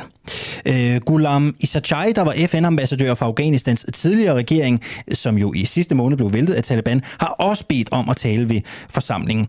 Og øh, en særlig øh, akkrediteringskomité øh, forventes at tage stilling til den her øh, meget spændende sag, synes jeg, øh, på mandag, hvor FN's øh, generalforsamling den slutter. Barselsdebatten fortsætter også i din øh, radio den her øh, morgen. For 341 kvinder skriver i politikken under på en kronik, der kalder det brutalt og kynisk disrespekt og foreslå mere barsel til faren. Debatten har raset siden arbejdsmarkedets parter i sidste uge foreslog mere øremærket barsel til faren og mindre til moren. Ifølge kronikens medunderskriver, så er det en dårlig idé, for moren har nemlig en biologisk fordel over faren, når det kommer til at tage sig af den nyfødte. Godmorgen, øh, Line Britt Madsen. Godmorgen. Du er mor til to, og så er du altså medunderskriver på den her omtalte kronik. Kan du dokumentere, at børn har en stærkere tilknytning til øh, deres mor end far? Øh, nej, man kan sige, at vi har ikke skrevet kronikken for at lave sådan en forskningsmæssig fremstilling. Og vores, øh, altså det ene argument, man kan sige, om man har en biologisk fordel, øh, det kan godt handle om, ja, at, at når man, en graviditet tvinger jo øh, en kvinde ned i kroppen og til at skabe et indadvendt fokus og en, øh, også en prioritering i tilværelsen, der gør, at man ligesom øh, skaber den her indstilling på, at øh, noget skal komme, ikke? og du skal tage vare på det, og, du, og det kræver al din opmærksomhed osv. Øhm, men, men den ene del vedrører øh, debatten kommer nemt til at blive reduceret til et spørgsmål om, hvorvidt far ikke er lige så god en omsorgsgiver som mor. Er hans færdigheder måske ikke lige så gode? Er de ikke lige dygtige? Det er den der biologiske vi... fordel, jeg godt lige kunne tænke mig at dvæle ved. Fordi, som jeg også siger i mit oplæg, det er en dårlig idé at give mere barsel til far, for moren har en biologisk fordel over faren, når det kommer til at tage sig af den nyfødte. Hvad er den biologiske fordel? Jeg ved ikke, om vi direkte skriver en biologisk fordel, men øh, man kan sige, når man er gravid og bærer et barn, øh, så udvikler du en, øh, en tilknytning til det barn. Du, der starter en kommunikation allerede meget tidligt i, øh, i forløbet. Man kan, det, her, det er en biologisk-psykologisk øh, hænger jo sammen. Altså den påvirkning, graviditeten yder på din krop, påvirker din psykologiske indstilling. Øh, det gør, at øh, du tidligt udvikler en følsomhed for, for det her lille væsen, og, øh, og hvad hedder det, øh, jeg indstiller dig på at, at skulle øh, drage omsorg for det. Mm. Det er sådan noget lommebiologi, ikke? Det er jo sådan noget lommebiologi. Det er jo ikke, det er jo ikke konkret fakta. Grunden til, at jeg siger det til dig, er, fordi jeg talte med Else Gullager tidligere. Hun er sundhedsplejerske ja. og Ph.D. i sundhedsvidenskab. Og hun sagde jo mere eller mindre, at der ikke var noget biologisk, der sagde, at moren nødvendigvis var en bedre caretaker. Så lyver Else Gullager, når hun siger det, eller gør hun det ikke? Hun er jo uddannet sundhedsplejerske og som sagt Ph.D. i sundhedsvidenskab. Ja, jamen, jeg ved udmærket, hvem Else Gulle er. Nej, ja. og, og jeg vil også, øh, før du afbrød mig lige før, så vil jeg også sige, at der findes jo forskning, der viser, at uh, uanset om det er mor eller far, som uh, tilbringer, uh, den der tilbringer mest tid sammen med barnet umiddelbart efter fødslen, eller uh, når det er lille, ikke, udvikler stort set de samme, uh, altså nogle af de samme hormoner og den samme uh, ændring i adfærd og en sensitivitet over for at indgå i det her samspil uh, med barnet. Men det vi har villet også med kronikken, fordi det ene spørgsmål er, hvem er dygtig til at, at øve øh, øh, omsorg for et barn. Men jeg har ønsket også at give en stemme til de her kvinder, der ikke fylder ret meget i den her debat, som kommer til at handle om, er far der ikke lige så god? Jeg kunne godt tænke mig også at fokusere på øh, behovet ved de kvinder, som bærer det her barn, risikerer livet i en fødsel, i hvert fald for nogens vedkommende. Det er ret vildt at gennemgå en fødsel. Og det behov, som følger deraf, at øh, for at være tæt på det her barn, for at udøve øh, den øh, omsorg og beskyttertrang og, og egentlig at, at være nær med, med barnet. Mange kvinder oplever det allerede i dag enormt belastende at skulle adskille sig mm. øh, sit barn så mange timer, som vi gør det i Danmark. Øh, når de nuværende vilkår, det er ikke alle andre lande, man har indrettet sig sådan. Hvis man så vil bede dem adskille sig barnet øh, endnu tidligere, end man ser det i dag, så altså, at fratage dem den adgang til barnet, det vil de opleve som en undertrykkelse af helt basale ja. behov. Det er ikke alle kvinder, men det her det gælder for rigtig mange. Jeg vil næsten sige flertallet. Ja. Ja, det har jeg ikke belæg for. Det kunne være nej, fint, nej. hvis nogen de ville uh, undersøge det. Ja. Så jeg siger bare, at den her debat handler også om... hvorfor siger du så næsten flertallet? Altså, hvorfor, hvorfor, hvad får dig til at sige Fordi, det? Hvor trækker du det fra? Ja, altså igen, det er ikke noget, jeg har talt på. Jeg har mødt så mange mødre, og jeg har også, jeg har, altså, det vælter ind i min indbakke også med ja. bedste mødre, og øh, nogen, der lige har født, altså, nogen, der er lidt Hvor mange har sagt, er det, er det 100, er det 5, er det 10? Hvor mange har du hørt fra? Ja, det er da i hvert fald 100, altså der kan 100. genkende den del. Okay. Øh, ja, det, jeg tænker, at det her det er noget alment, og nej, jeg er ikke forsker, jeg har ikke skrevet nej. mig under som forsker, jeg har ikke henvist til forskning. Jeg vil gerne nej. give en stemme ja. til en almen øh, hverdagslivserfaring fra så mange kvinder, som vi ikke taler ja. om i det her samfund. Jeg tror også, jeg fandt ud af, at det der med, med, med, med biologien, det, øh, det, det fik du svaret fint på. Den lader vi, den lader vi Else Gullager og Ko øh, stå for. Så lad os vende os mod det, I også skriver i kronikken. Øh, I kalder det brutalt og kynisk disrespekt og foreslå den her mere barsel. Hvorfor er det, øh, hvorfor er det brutalt? Det er det ikke at foreslå mere barsel til far. Det er sådan set fuldstændig øh, enig i. Det vil være rigtig, rigtig fint, og far er uundværlig, og han er uvurderlig lad endelig far komme både tidligere på banen sammen med mor, øh, og lad ham få, have en central rolle i, øh, i barnets liv. Det viser ja. så meget, at det er godt for. Men det vi opponerer imod, det er, at man tager... Nej, det, det er sådan set også fint. Det, det er forskelligt. Nogle synes, at man skulle bare fritlægge barsel. Det, det kan man synes, det er meget liberalt. Andre synes, det er fint med en øremærkning. Det vi skriver, er, at, øh, at den skal ikke tages fra den årlov, som i dag er til fælles deling forældrene imellem. Og det er fordi, at der er mange gode grunde til, at kvinder påtager sig størstedelen af den. Omvendt er det helt fint i de familier, hvor man synes, øh, at, øh, at man vil gerne tilbage på chefgang, eller hvad man, hvordan man nu øh, indretter sig. Lad bare endelig far tage hele barslen der. Lad det dog være op til den enkelte familie, når nu man, vi har forskellige øh, livsvilkår.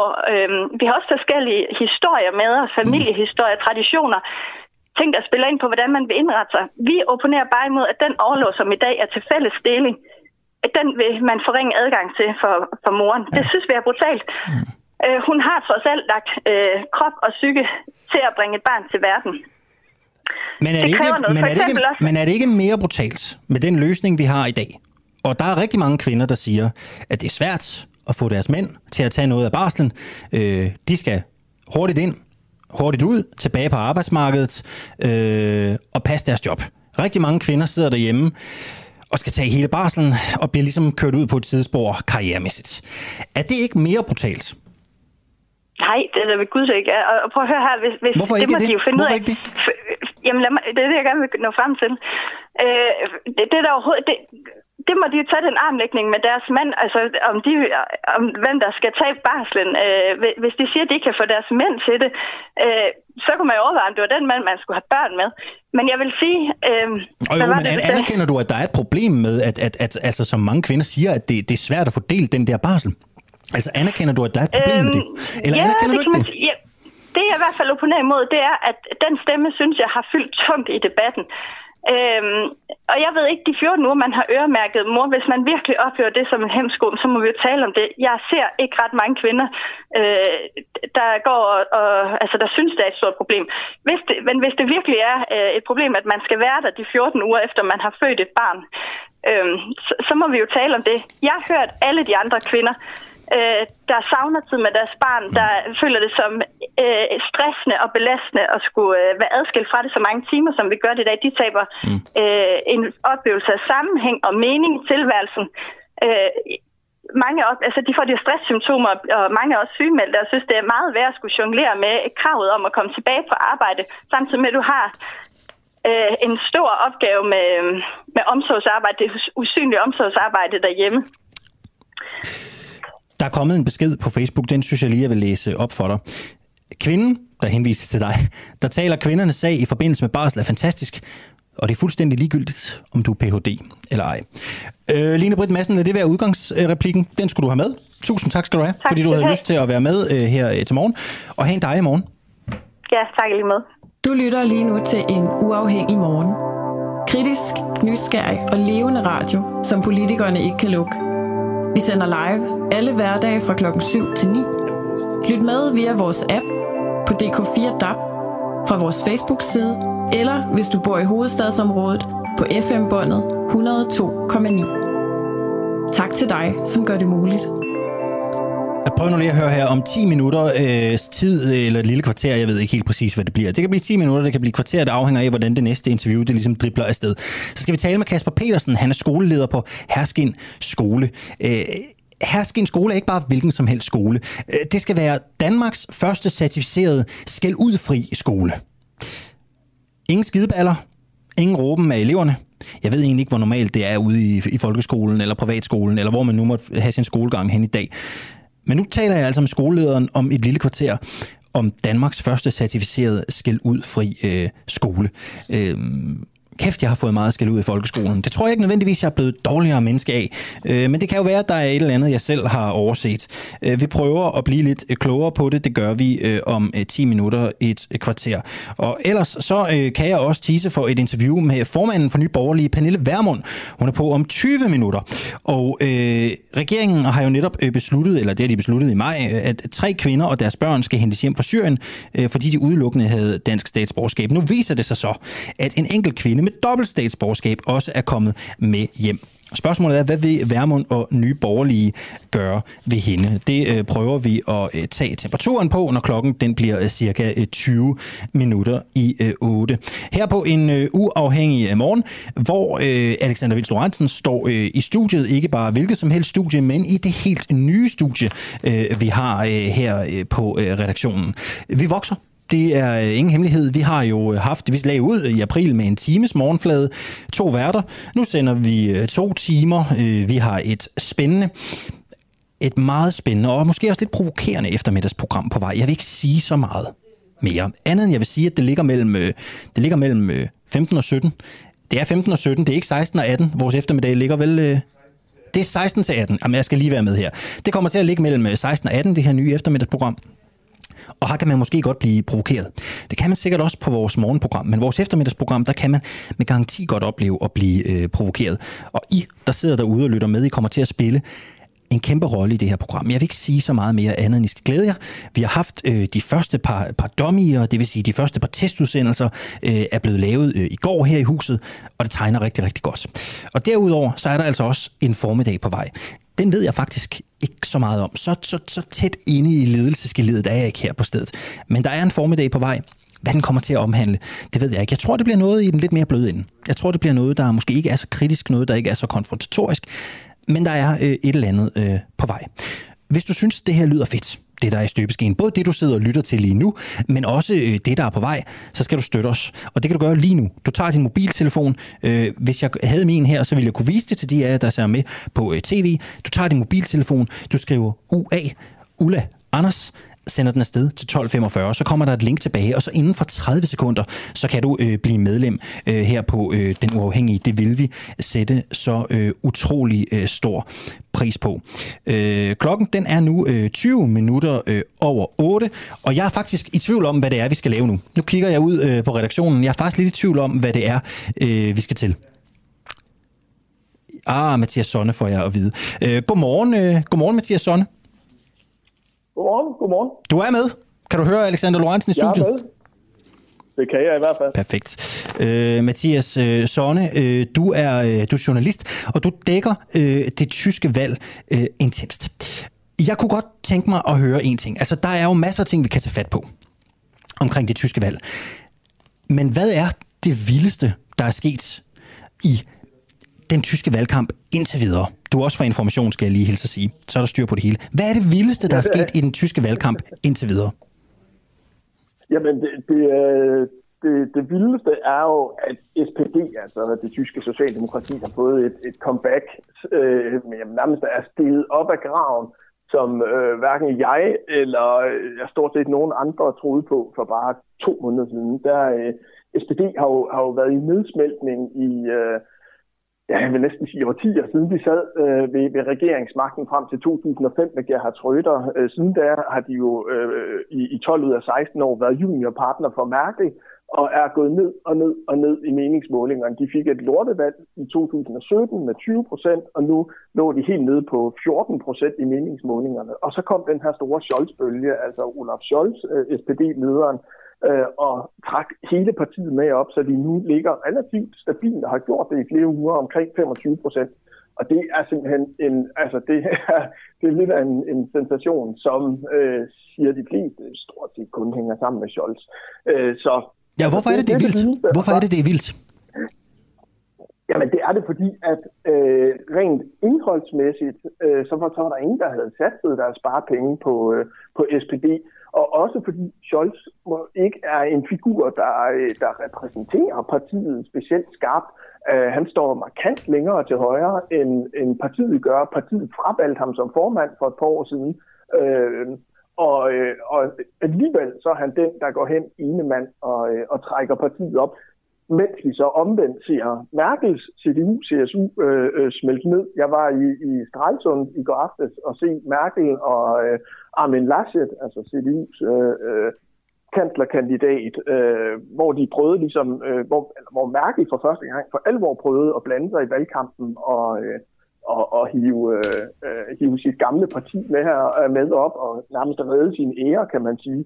Øh, og, og det er jo altså, det, det er den store historie, at, at øh, SPD pludselig øh, kan gå hen og overhale det her gamle magtparti, øh, hvor det jamen, i overvis jo bare har heddet, nu skal CDU lige finde ud af, hvem, hvem der skal være kansler næste gang, øh, og så bliver formentlig de grønne påhæng. Nu sidder vi i en helt anden situation, og SPD fører, men skal ud i en koalition, og øh, ingen kan overskue, hvor pokker det her valg det, øh, det lander på søndag. Så det er, det, det er en fest at dække må man sige som journalist. Man fristes jo lidt til at sige, og, og du ved meget mere om tysk politik, end jeg gør, og du retter mig bare, hvis jeg tager fejl. Merkel træder af tronen. Det ligner lidt Dansk Folkeparti, ikke? Altså, der er en, der ligesom har holdt projektet kørende i mange år, og så kan man ikke rigtig finde den den rigtige til at, at, at køre det videre. Altså, hvor meget handler øh, det her om Olaf Scholz som stærk kandidat, og hvor meget handler det om, at, at, at Merkel bare ikke har fundet den rette til at følge efter? Det handler meget lidt om Olaf Scholz som stærk kandidat. Altså, øh, det er... Øh, øh, Olaf Scholz er stærk på grund af de andres øh, svaghed. Øh, det, det er der simpelthen ingen tvivl om, øh, og det, og det øh, Altså, det er ikke for at fornærme hverken Socialdemokrater eller SPD, men, men øh, det, er, det er situationen. Øh, og hvad Merkel angår, så øh, giver jeg da fuldstændig ret i diagnosen, at øh, som konservativ folkeparti, øh, og jo vel og mærke som Europas største, der har, øh, der har CDU, øh, de har øh, øh ligesom ignoreret øh, internt i partiet og få fornyet deres program, øh, og Øh, man, man har ikke set den her store nedsmeltning for sig, fordi Merkel øh, har, øh, øh, har siddet så suverænt på, øh, på, på tronen og ligesom dækket over, øh, at, at man sådan programmatisk ikke har, øh, har fornyet sig. Og der er mange, der siger i partiet, at øh, Merkel har udhulet vores konservative kerne, og vi kan ikke kende os selv, fordi Merkel hele tiden har spist sig ind mod midterpositionerne øh, i tysk politik, og dermed jo også spist SPD i øvrigt øh, igennem mange år, og mange af deres øh, øh forhængere. Øh, og nu sidder man tilbage som sådan en tom skal, man nærmest øh, falder sammen, fordi øh, øh Mutti, som har, har dækket over øh, dækket over partiet, øh, hun pludselig er væk.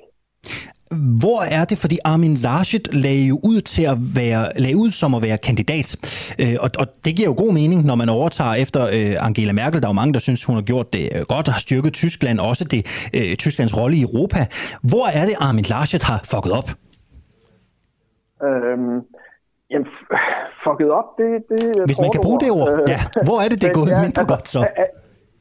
Jamen, jamen øh, der er selvfølgelig den her situation, hvor, hvor han kommer til at, at, at grine øh, for, for løbende kamera øh, ved, øh, nede ved oversvømmelseskatastrofen i Nordrhein-Westfalen. Øh, og det blev ligesom sindbilledet på, at, at Laschet er, er sådan fjollet og uberegnelig, og det gjorde, at Scholz kunne køre sig selv i stilling som den nye, stabile, mandlige Merkel. Det er en ting.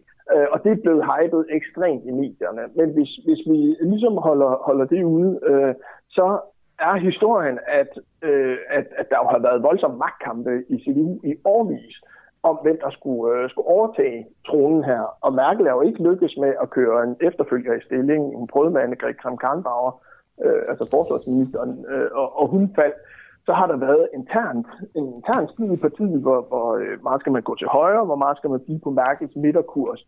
Øh, og der tabte højrefløjen så med, med Friedrich Merz, og det endte med, at ud fra sådan en intern partilogik, så øh, øh, satte Armin Laschet sig igennem, øh, fordi han simpelthen er, øh, er en stabil figur og leder af det største landsforbund i CDU. Og det er der, jeg vil påstå, at kæden er sprunget. Øh, det er, at man har tænkt ud fra en partilogik, øh, og bare har tænkt, jamen hurra, vi er jo magtpartiet i Tyskland, øh, vi er CDU, vi, vi er urørlige, øh, i stedet for at se på, hvilke populære kandidater kan vi køre i stilling her. Og der havde Markus Søder fra, fra Bayern, øh, altså fra CSU, været, øh, været langt, langt mere oplagt øh, og, og, og langt mere populær. Så Laschets kandidatur var født med den her svaghed, at, øh, at han var øh, udtryk for et, et selvtilfreds, øh, magtliderligt parti, øh, som jo i øvrigt også har været billedet ind i nogle øh, skandaler omkring, øh, altså korruptionsskandaler omkring maskekøb, og, øh, og i det hele taget har mange af de her, hvad kan man sige, lidt metaltræthed, som man selvfølgelig har, når man har siddet 16 år øh, på, på magten. Så, så Laschet har, har overtaget en uhyre øh, svært job, og så har han fået medierne imod sig, som Martin Schulz fra SPD havde det i 2017, øh, nærmest fra start. Altså, han har ikke, han har ikke fået ben til jorden, øh, den, den arme mand, og har, har stort set ikke kunne gøre noget rigtigt i mange, mange måneder. Prøv at nu... Øh... Nu lægger jeg en, øh, en blok på mit bord her, og så skal du lægge dit hoved på blokken. Hvor lander vi på søndag? Hvad ender det med? det nægter jeg. Fordi jeg Hvorfor? Øh, altså, det, Jamen, for, fordi at, at jeg øh, i den her valgkamp er blevet overrasket så mange gange. Øh, jeg er blevet overrasket over, at øh, FDP øh, står så stærkt, altså de liberale. Øh, det, havde jeg ikke, det havde jeg ikke set for mig øh, på trods af corona, på trods af, at de har lavet et, et solidt stykke øh, oppositionsarbejdet. Jeg er blevet overrasket over øh, SPD og Olaf Scholz øh, optur. Den havde jeg ikke set for mig i, i det omfang. Og jeg er faktisk jeg er en lille smule, ikke helt så overrasket, men jeg er en lille smule overrasket, hvis CDU og CSU lander på 20 procent. Jeg havde regnet med en stor nedsmeltning, som, som har været undervurderet, men det er jeg også overrasket over. Øhm, så altså, jeg, jeg, jeg tør simpelthen ikke spå om på søndag, også fordi en tredjedel af, af næsten en tredjedel af vælgerne siger, at de stadigvæk er, øh, ikke har besluttet sig, hvem de stemmer på. De tyske vælgere er troløse som andre før, øh, fordi bindingen til, øh, til partierne simpelthen er, er, øh, er ved at forsvinde. Øh, så øh, altså, men ja, din blog, hvis jeg skal lægge hovedet på den, så, så, øh, så, så vil jeg godt gøre det med, med muligheden for at trække det til mig meget hurtigt. Øh, og, og sige, at SPD jo nok ender med at vinde en meget smal sejr. Så sidder Olaf Scholz med, øh, med serveretten til at danne regering og skal ud i en regering. Øh, og, og hvor det ender, om han kan få FDP og de grønne til at mødes, det er jeg faktisk ikke sikker på. Øh, og derfor kan det også betyde, at det parti, som bliver størst på søndag, ikke nødvendigvis stiller med kansleren. Øh, at det så bliver Armin Laschet, der ender med at lave en regering, eller omvendt, SPD bliver næststørst og ender med at, at danne regering.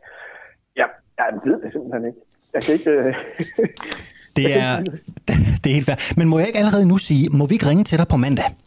Må vi ikke tale med dig mandag morgen om det tyske valg? Jo. Skal vi ikke lave den aftale allerede nu, at vi tales ved på mandag?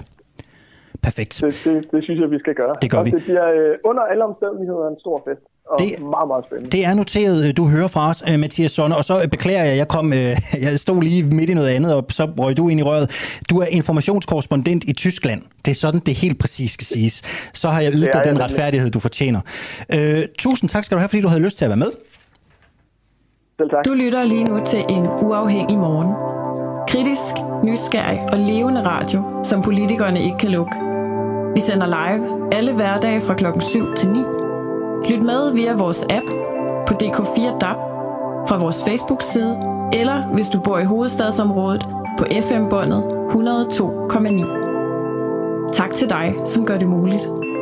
Charlotte Sachs Bostrup skriver på Facebook, Alexander, vil du ikke stå frem med din historie om dårligt arbejdsmiljø i politik? Hvis ikke, hvorfor så? Emnet er da i den grad relevant. Jeg er fuldstændig enig, øh, Charlotte, og øh, det tror jeg ikke, jeg vil. Øh, af den grund, at jeg er en, øh, jeg er en simpel bunderøver fra Anders. Jeg har ikke så stort netværk. Øh, jeg har ikke så mange steder at gå hen, hvis jeg gør nogen i det etablerede Danmark vred. Det kan koste mig dyrt på øh, eventuelt øh, ansættelser, øh, fremtidige jobmuligheder. Så det er jeg faktisk ikke sikker på, at jeg tør. Jeg skal tænke over det, og, øh, og så kan det være, at du skal interviewe mig. Den slags kan du jo godt finde ud af, ved jeg jo, når jeg ser øh, på dit navn. Øhm, det overvejer jeg. Klokken den er 32 minutter over 8.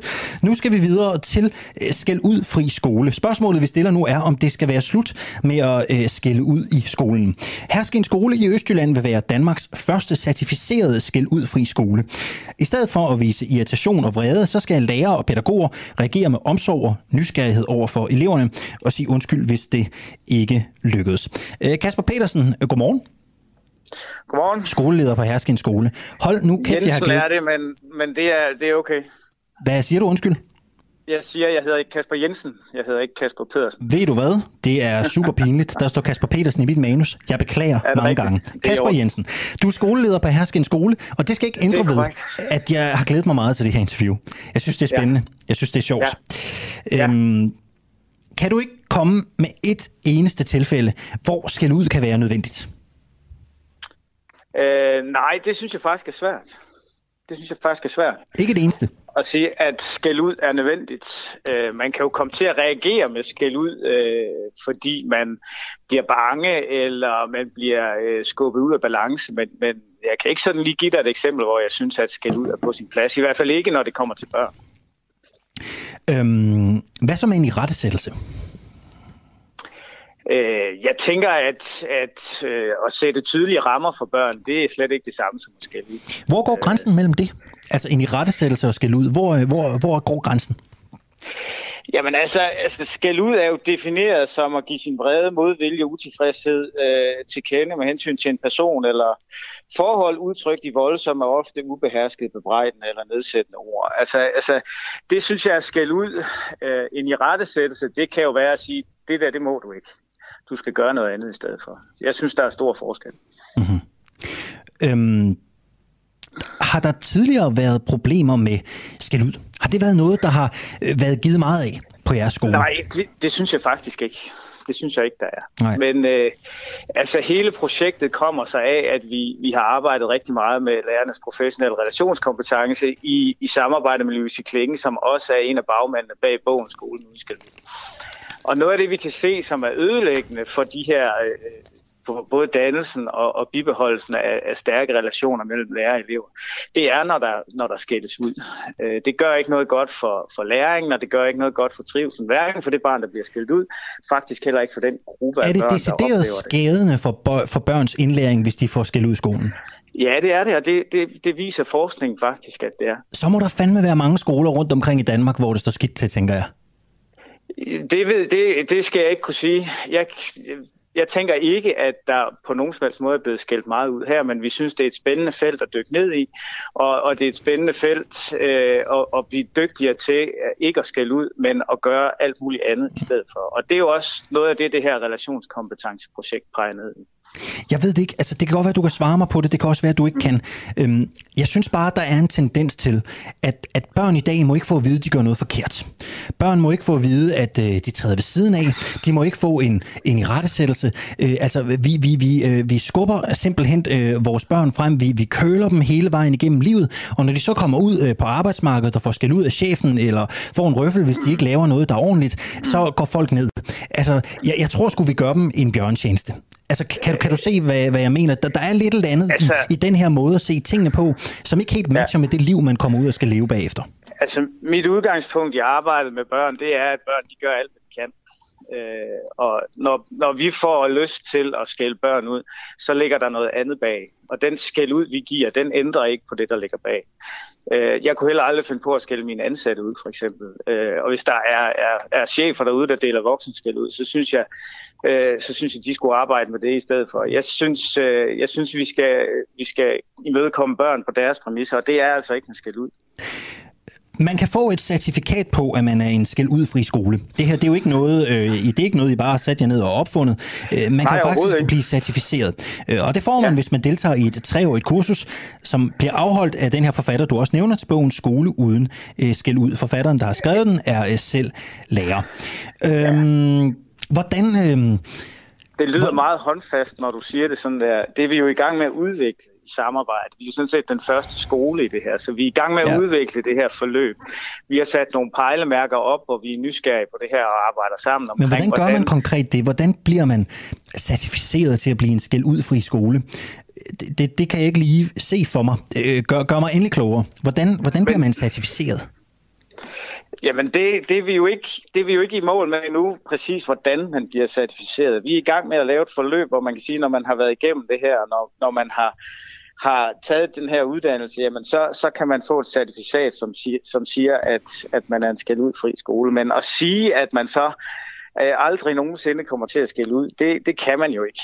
Øh, og det synes jeg sådan set heller ikke, man skal, men vi er enormt nysgerrige på at minimere det. Hvis man så skælder ud, hvis man nu kommer til at miste temperamentet som lærer på, herske, ja. på Hersken skole, bliver man så fyret? Ja. Nej, det gør man da ikke. Det gør man ikke. Okay. Men vi okay. er nysgerrige på det, og vi er åbne omkring det, og vi er heller ikke bange for at, og, øh, og, og stille os til rådighed, hvis vi, hvis vi kommer til noget eller gør noget, som ikke er hensigtsmæssigt. Det er vi nysgerrige på i fællesskab, og vi bruger video til at være nysgerrige på det, og sidde og analysere situationer. Og der prøver vi sådan set ikke at kigge efter det, der går galt, men faktisk kigge efter det, der går godt. Men, og det kan godt være, jeg, det kan godt være, det er irriterende, jeg spørger igen. Det er bare fordi, Nej, er jeg, jeg, jeg, jeg, er jo- jeg, er jo sådan, jeg er jo sat i, i den her stol, fordi jeg skal prøve at gøre ting så lidt forståeligt for folk som muligt. Og jeg synes også, det, det går godt. Ikke? Det, det går fint. Øhm, hvor, hvor- hvis jeg træder ind ad døren på Hersken skole, øh, Ja. I øh, forsøger at blive en skældudfri skole, så der må være ja. nogle ting, I gør anderledes end mange andre skoler, som ikke nødvendigvis kæmper for det samme. Hvordan ser hverdagen anderledes ud inde i klasselokalet hos jer? Så Jamen, prøv, prøv at beskrive billedet for mig. Prøv at male det for mig. Øh, jamen altså, hvis du træder ind i et klasselokale, så tror jeg, noget af det før, altså noget af det, vi arbejder meget med, det er jo at prøve at skabe en hverdag, også didaktisk, hvor vi undgår situationer, hvor børn kommer i udfordringer og, og kommer i situationer, hvor skæld ud kan opstå. Øh, det gør vi blandt andet ved at tilrettelægge en undervisning, hvor mantraet er, at der skal være lav tærskel, men højt til loftet. Altså at alle børn kan træde ind over den her tærskel, men de børn, som, som kan noget mere, de skal også have mulighed for at, at udvikle sig så, så er der, og det er sådan tilbage til det her relationskompetenceprojekt, så har alle børn et behov for autonomi, et behov for at føle kom, sig kompetente og et behov øh, for at føle sig samhørige. Og under de her tre pinde, der er faktisk en masse helt konkrete handlinger, man kan tage som lærer. Og det vil du opleve nogle lærere, der arbejder med, hvis du træder ind i klasselokalet. Nu skal jeg dele en hemmelighed med dig. Da jeg gik ja. i folkeskolen, det bliver bare mellem os to. Da jeg ja. Gik i folkeskolen, øh, der kunne jeg godt lide nogle gange at, øh, at, at, at, at være lidt efter. Jeg vil nok, jeg har lavet nogle drengestreger. Øh, jeg. Ja. gik for eksempel en fredag ned og købte sådan et glas øh, sild, sådan et glas øh, ja. Sild nede i supermarkedet, og så lagde jeg dem i min matematiklærers kateter fredag eftermiddag. Mm. Så da han kom mandag morgen, så kan du selv regne ud, hvordan der lugtede i klasselokalet. Ja. Hvis nogen gør det hos jer, Ja. det er ikke sikkert, at der er nogen, der gør det. Det kan være, at de er bedre opdraget. Nej, men hvad, vil, men hvad, hvad vil I så gøre? Hvordan vil man håndtere det, hvis man ikke får skæld ud? Vil du sige, Alexander, hvorfor har du lagt sild i øh, lærerens kateter? Eller hvordan vil man gribe det an? Nej, men det vil vi da selvfølgelig tale med, med barnet om. Hvad, hvad er intentionen bag det? Hvad, hvorfor, hvorfor er det nødvendigt at lægge uh, sild i lærernes skuffe? Og vi vil også gribe fat i forældrene og prøve at tale om, hvad er det, hvad er det der er på spil her? Hvorfor, uh, hvorfor vil, nu, nu er det Asger, eller uh, altså hvorfor, hvorfor vil, hvad, hvad er intentionen bag den handling? Mm. Uh, jeg er sikker på, at hvis du har lavet mange af de der drengestreger, så har du fået rigtig meget skæld ud. Det kan du tro. Ja, og det har vel ikke ændret din adfærd i en positiv retning, kan du ikke forestille dig. Det ved jeg. Jeg synes, jeg, jeg synes jo, jeg har gjort det godt.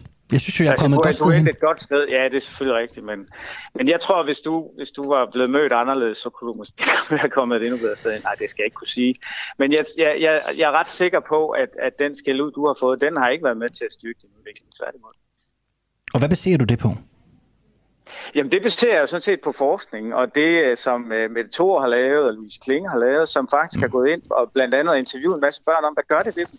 Og hvad gør det også ved de børn, som lytter til, at andre børn får skæld ud? Og det er ikke nærende hverken for trivsel eller læring, som er vores kerneopgave i skolen. Fik du selv ud, skal vi selvfølgelig- fik, fik du selv skæld ud, da du gik i skole?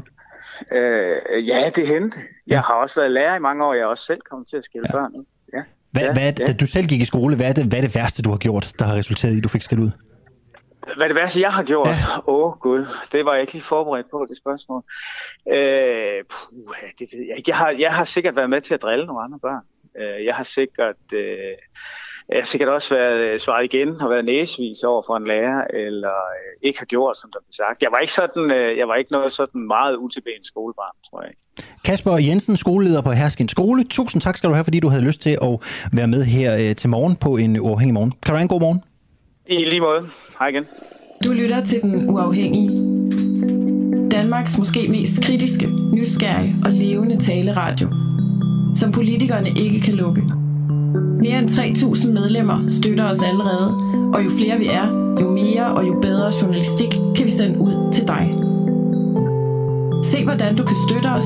Gå ind på duah.dk. Klokken den er 18 minutter. Noget så åndssvagt som 18 minutter i Jeg synes, jeg er så dårlig til at ramme de der 20 minutter i kvart i. Det bliver altid sådan noget skævt noget.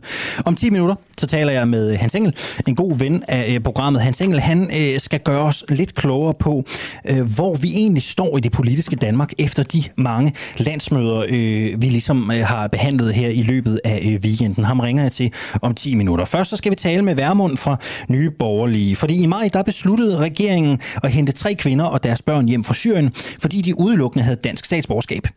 Nu viser det sig så, at en enkelt kvinde med dobbelt statsborgerskab også er kommet med. Øh, Pernille Vermund har sagt, at det er et svigt af danskernes sikkerhed og tryghed. Godmorgen, Pernille Vermund. Oh, du er lidt lav. Øh, prøv lige igen og lad mig, øh, lad mig høre dig. Jamen, jeg er ikke sikker på, at jeg bliver højere, men det kan være, at det lyder højere. Ved du hvad, du blev faktisk højere. Super, Pernille Vermund. Godmorgen. Du er formand Godmorgen. for Nye Borgerlige. Øhm, den kvinde her, udgør hun en sikkerhedsrisiko? Altså, hvis man spørger PT, og det vi har kunnet læse på DR.dk, så har de jo ikke haft indvendinger mod, at hun er kommet hjem. Det ændrer dog ikke ved, at alene det faktum, at man er villig til at rejse ud og tilslutte sig islamisk stat, det vidner jo om, at man øh, er tilstrækkeligt radikaliseret til, at man vil tage nogle midler i brug, eller støtte nogle midler, som vi jo aldrig mm. nogensinde ville acceptere øh, herhjemme. Men udgør hun en, en sikkerhedsrisiko? Ja, det vil tiden jo vise. Altså, det, det må tiden jo vise. Nu kommer hun til Danmark, og jeg må bare sige, hvis det var mig, der sad med magten, så ville jeg simpelthen ikke tage den chance. Jeg vil ikke løbe den risiko, det er at tage et menneske til Danmark, som har været øh, så, hvad skal man sige, øh, ja, så radikaliseret, at hun jo har rejst ud og har tilsluttet sig islamisk stat. Hvad er det og til og med har født børn, mens hun har været derude. Hvad er det værste, Værmund, der kan ske, hvis vi tager den her kvinde til Danmark? Hvad er det, du, hvad frygter du? Jamen, jeg frygter jo dels, at hun øh, fortsat er øh, radikaliseret i en eller anden grad, og dermed også kan påvirke sine omgivelser. Øh, men også, at hun, som vi har set det i andre sager, vil tilslutte sig andre, som har et had til Danmark og en forkærlighed til øh, islamisme, radikaliseret islamisme, og at hun dermed vil begå en eller anden form for terror eller, øh, øh, eller lignende i Danmark. Men er den her kvinde, er hun mm. farligere udelukkende fordi hun har et dobbelt statsborgerskab? Eller frygter du hende mere, fordi hun har det dobbelte statsborgerskab? Nej, det gør jeg ikke. Altså stod det til nye borgerlige, så havde vi taget statsborgerskabet fra alle dem, der er rejst ud. Og det er simpelthen fordi, vi mener, at hvis man har øh, tilsluttet sig islamisk stat, hvis man har været villig til at rejse ud og arbejde for opbygningen af en islamisk stat med de metoder, man brugte der, så har man øh, frasagt sig retten til at komme tilbage, og så burde man være frataget sit statsborgerskab. Der var ikke flertal for at tage statsborgerskabet fra dem alle, der var et flertal for at tage statsborgerskabet fra dem, der havde dobbelt statsborgerskab, og derfor er det jo øh, meget, meget bemærkelsesværdigt, at man nu vælger at hente en af dem, der har dobbelt statsborgerskab til Danmark. Men hun kunne være blevet tvunget til Syrien. Og så har vi vel en anden sag, ikke? Øh, du tænker på, at hun kunne være blevet bortført og være taget afsted. Altså, ja. hun har haft, hun har, hun har været, hun har været udrejst eller været væk, øh, så vidt jeg kan læse, siden 2014. Der har jo været rig, rig lejlighed til at tage afsted derfra. Altså helt åbenlyst er der jo rigtig mange mennesker, der er mm. øh, kommet fra Syrien til Danmark i samme periode. Øh, og og øh, altså, det er ikke nogen undskyldning, at man så undervejs har fundet ud af, at, øh, at man egentlig hellere vil hjem. Men når du siger det sådan, kan, du så, på det, kan du så på det pure afvise, at hun er blevet mm-hmm. tvunget til Syrien og blevet holdt dernede? Når du siger, Nej, at dit argument er, at hun har været der siden 14, kan du på det pure afvise, at hun ikke er blevet tvunget til at være der? Nej, det kan jeg ikke. Mm. Men, det, men, det, men det ændrer ikke ved det helt grundlæggende, at hvis man er rejst ud, hvis man øh, ikke undervejs. Altså, hun har, der er ikke noget her, der tyder på, at hun undervejs i de øh, syv år, der er gået fra hun rejser ud og så til i dag, at hun har øh, på en eller anden måde forsøgt at komme hjem, før hvor, hun hvor havner du det fra? i en flygtning. Før hvor hun du, havner. Jamen, nej, jeg siger, der er ikke noget, der tyder på. Nej, nej, men, men, men hvor ved du det fra? Altså, du siger, det er der ikke noget, der tyder på, så er jeg jo nysgerrig. Hvor, hvor ved du det fra? Fra de, fra de oplysninger, vi har fået undervejs, og fra det, vi kan læse i medierne, mm. så har de her mennesker, de har søgt, de, de vil selvfølgelig gerne hjem, da de havner i flygtningelejrene.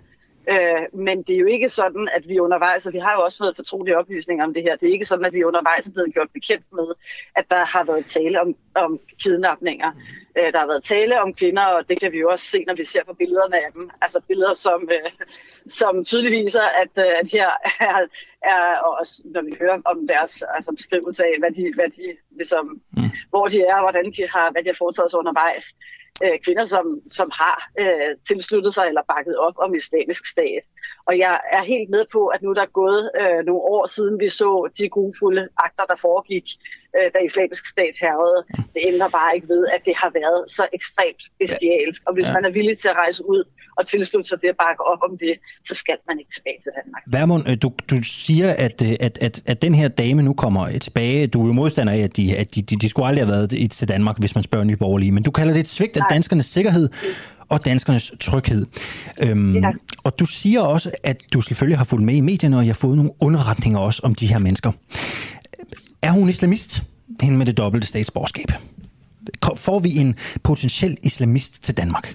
Det tror jeg, mange sidder og gerne vil have et svar på. Altså at være islamist øh, betyder jo, at man er, er, øh, er ekstremt øh, troende eller radikaliseret øh, muslim, og, øh, og at man enten er villig til med, øh, med demokratiske midler eller med, hvad hedder Mm. det, med vold at, øh, at kæmpe for et kalifat. Og hun er jo rejst ud for at kæmpe for en Så får vi islamisk- en altså islamist islamisk til. Danmark? Får vi en islamist til Danmark? Ved du det? Jeg kan jo af go- jeg kan jo af gode grunde ikke sige, hvad der sker op i den her kvindes hoved lige nu. Men Mm. jeg kan jo sige, at når man rejser ud og tilslutter sig islamisk stat, så er sandsynligheden for, at man er islamist øh, relativt stor. Altså, hvorfor skulle man kæmpe for et Ja. kalifat, for en islamisk stat, med så bestialske metoder, hvis ikke man var islamist? Det er Grund nærmest en, ja. eller næppe en buddhist, der er, er rejst ud for at hjælpe med det her. Grunden til at spørge, Værmund, det er jo fordi, at øh, jeg ved jo, I politikere, I får også øh, underretninger, I får efterretninger, og, og noget af det refererer jeg til. Det, det er simpelthen bare fordi, hvis du, hvis du ved på en eller anden måde, at der er en islamist på vej til Danmark, så vil jeg jo gerne høre det. Det tror jeg, der er rigtig mange danskere, der gerne vil. Det er simpelthen kun derfor, jeg spørger. Øh, Ja, men, men altså, det, jeg, jeg bliver bare nødt til at sige, sådan som, øh, som PT vurderer de her mennesker, de vurderer dem jo på forskellige niveauer. Hvor stor er sandsynligheden for, at de har fået våbentræning? Hvor stor er sandsynligheden for, at de er radikaliseret? Og hvor stor er sandsynligheden for, øh, at de vil øh, begå øh, forbrydelser? Og der er det ikke sådan, at de på noget tidspunkt siger, der er ingen sandsynlighed. De siger enten, at der er lav eller mellem eller høj hvordan de nu formulerer det. Så, så det er ikke sådan, at man sidder fra PT's side og siger, øh, det her, det kunne lige så godt være en, en husmor fra... men hvad så med hende, kvinden her? Hvad siger de om hende? Er den lav? Er den høj? Hvad er chancen? Hvad ved vi? Jamen det, jamen det kan jeg ikke sige, og det må man jo spørge mm. PT om. Og jeg synes faktisk også, at regeringen skylder et svar. Øh, fordi nu kan jeg jo læse, at der står i artiklerne, at PT ikke har haft nogen øh, som jeg husker, står der noget med indvending, indvendinger mod, at, øh, at hun kommer tilbage. Og PET's opgave er jo selvfølgelig at beskytte danskerne, uanset om denne her kvinde er i Danmark, eller hun er en flygtningelejr øh, i Syrien. Så, så det er klart, at nu har de en anden opgave, og om deres opgave bliver lettere eller sværere, det må tiden vise. Jeg vil bare sige, hvis, det var, hvis, hvis, hvis jeg sad med magten, så ville jeg aldrig nogensinde løbe den risiko. Jeg ville til hver en tid sige, lad os tage statsborgerskabet fra den her kvinde. Hun skal aldrig tilbage til Danmark. Værmund, et sidste spørgsmål. Hvis jeg må spørge dig om noget helt Ja. andet. Det er ganske ufarligt. Ja. Så du Dansk Folkepartis årsmøde i weekenden? Nej, det gjorde det desværre ikke. Nej. Har du hørt læst nogle historier om det? Ja, det ja. har jeg læst lidt om øh, ja, hovedbestyrelsesvalg og så videre. Ja. Har du det lidt bedre i Nye Borgerlige i den her uge, end du havde det i sidste uge, efter, hvad skal vi sige, øh, det hæftige årsmøde, man havde i Dansk Folkeparti? Er du lidt gladere partileder for Nye Borgerlige i den her uge, end du var i den sidste uge? Hvad tænker du på specifikt? Jamen det er bare, jeg tænker, du må, øh, hvis jeg var dig, og det er jeg ja. jo ikke, så vil jeg tænke, hvor er det dog, hvor er det dog rart, at de ikke kan finde ud af noget som helst over i Dansk Folkeparti. Hvor er det rart, at der er så meget intern rivegilde, så vi bare kan sidde og trække stille og roligt folk over i nye borgerlige, en efter en. Jeg ville være glad, hvis jeg var dig. Det er derfor, jeg er nysgerrig. Nej. Ja, nej, det, det er jeg ikke. Og det er jeg ikke af flere årsager. For det første, så vil jeg jo rigtig gerne have et blåt flertal ved næste valg. Øh, og det betyder, at når man har blå partier, som kæmper internt, øh, så bliver det også sværere, altså ikke bare for dem at løfte sig, men også for os partiledere at, øh, at samarbejde om noget, som kan bringe blå blok frem. Øh, og det, altså, det er, når man står i spidsen for et parti, som, øh, som har ballade, så har man jo meget fokus bagud og ikke ret meget fokus fremad. Så på den måde vil jeg da hellere have øh, kolleger blandt mine blå Okay. partiledere, som har ro på bagsmækken, og som så kan fokusere på det, som er det konstruktive øh, borgerlige samarbejde. Og Når vi taler DF, så handler det jo i høj grad om udlændingepolitikken og vores forhåbentlig fælles øh, kamp for, at den skal løses for bunden. Alright. Pernille Vermund, formand Nye Borgerlige. Tak skal du have, fordi du var med her til morgen. Kan du have en god morgen? I lige måde. Tak skal du have. Der er lige knap 8 minutter tilbage af vores udsendelse her i en uafhængig morgen. 80 afghanske statsborgere, der arbejdede for NATO før de sidste internationale styrker forlod Kabul, får mulighed for at bosætte sig i Norge. Det skriver øh, det norske nyhedssite Verdensgang. Norge evakuerede ligesom Danmark både egne borgere og en stor del af de lokalt ansatte afghanere, der havde arbejdet for dem. I samme ombæring blev flere NATO-ansatte også evakueret, og det er 80 personer fra den gruppe, som landet vil tage imod. Det var et tidligt ønske om, at NATO-lande og partnerlande skulle tilbyde beskyttelse til dem, der ikke arbejdede for et specifikt land i Afghanistan. Det har vi alle et ansvar for, hvor Norge tidligt meldte sig klar til at bidrage, siger den norske udenrigsminister Ine Eriksen Sørede. NATO er øh, jo øh, som sagt også det her forsvarssamarbejde, hvis nogen ikke skulle være i tvivl om det, øh, mellem 30 lande, hvor Danmark jo altså også er en del, og det er Danmarks Radio, der på vegne af VG rapporterer den historie her øh, til morgen. Lige nu, der er øh, Hans Engel, god ven af programmet, øh, på vej ind til mig her øh, i studiet. Godmorgen, Hans Engel. Ja, godmorgen. Og tak fordi vi må ringe til dig her øh, lige øh, ved udgangen af programmet. Hans, jeg havde egentlig tænkt mig, at vi bare kort skulle vende nogle af de politiske landsmøder, der har fundet sted. Og det er jo ganske kort, vi har et par minutter. Øh, og jeg vil ikke starte med Dansk Folkeparti, fordi alle har talt om Dansk Folkeparti. Øh, til gengæld, Engel, kunne jeg godt tænke mig at starte hos det konservative Folkeparti. Øh, Søren Pape blev jo spurgt lidt ind til sine øh, ambitioner for Blå Blok. Øh, og Pape sagde blandt andet, det bed jeg mærke i, at Danmark får en konservativ statsminister igen en dag. Er det efter næste valg, Søren Pape satser på det, Engel? Eller hvad tror du, han mener, når han siger det? Ja, det var et citat fra Poul Slytter. Han citerede Poul Slytter, som øh, sagde det for øh, ganske mange år siden, at øh, Danmark får en konservativ statsminister i, igen. Men det er klart, at når Pape han bruger det øh, citat nu, så er det selvfølgelig, fordi de konservative står øh, rigtig stærkt i målingerne. Han står personligt stærkt i, i, i øh, partiledermålinger, altså han bliver jo bedømt som den mest populære og troværdige partileder. Så det er klart, at nu begynder de konservative at få ambitioner, og det er et signal om, at han jo da muligvis vil række ud efter statsministerposten, hvis den mulighed måtte melde sig. Og, og det kommende valg, jo, altså selvfølgelig har det nok adresse til et kommende valg, og måske også et næste øh, følgende valg. Der er jo ikke noget i målingerne, der tyder på, at de blå, de blå partier får flertal ved et kommende valg. Så jeg tror, man skal læse det som, at øh, de konservative har meldt sig på banen med stærke meningsmålinger og en partileder, der står stærkt, og han har ambitionen om at kunne blive statsminister, når muligheden den byder sig. Og spørgsmålet er jo så, hvornår muligheden byder sig. Det vil jeg egentlig spørge dig om lige om lidt. Engel, så holdt Socialdemokratiet jo også kongres i den her weekend. Jeg skal ærlig indrømme, jeg så kun Dansk Folkepartis. For mig var det som at, de kunne have sendt Dansk Folkepartis årsmøde klippet ned til en time og sendt det søndag aften kl. 20 på DR. Et bedre drama kunne DR Drama ikke have leveret, hvis du spørger mig. Så jeg har ikke rigtig fulgt med i så meget af det, af det andet. Hvad var det vigtigste, der skete, eller det vildeste, det skøreste på Socialdemokratiets kongres? Øh, har du øh, fulgt med der? Ja, ja, nu var jeg, jo, jeg var jo ikke til stede, så jeg ved ikke, hvad det skøreste er sikkert ikke foregået på scenen, men ud til scenen. Det kan jeg forestille mig, men altså, der var ikke noget skørt på, på den kongres, fordi den gik fuldstændig efter bogen. Mette, Mette kom, Mette talte, Mette sejrede, og Mette rejste til USA.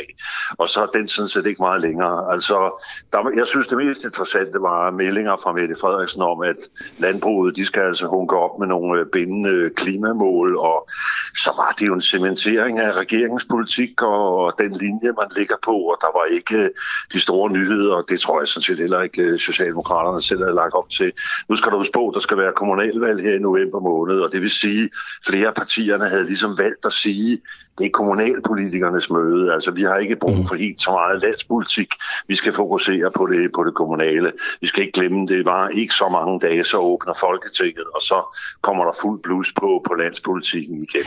Så altså kort sagt, øh, Sossernes kongres, det var... Ganske, øh, ganske det, kort, Engel, og du må, undskylde, jeg, jeg, du må undskylde, jeg afbryder det, er, fordi jeg skal simpelthen bare nå at spørge dig om det sidste her. Du sagde, på Socialdemokratiets kongres, der havde man den indstilling, at det her, det er kommunalpolitikernes kongres, det er dem, der står øh, øh, forrest, det er det, der skal ske nu.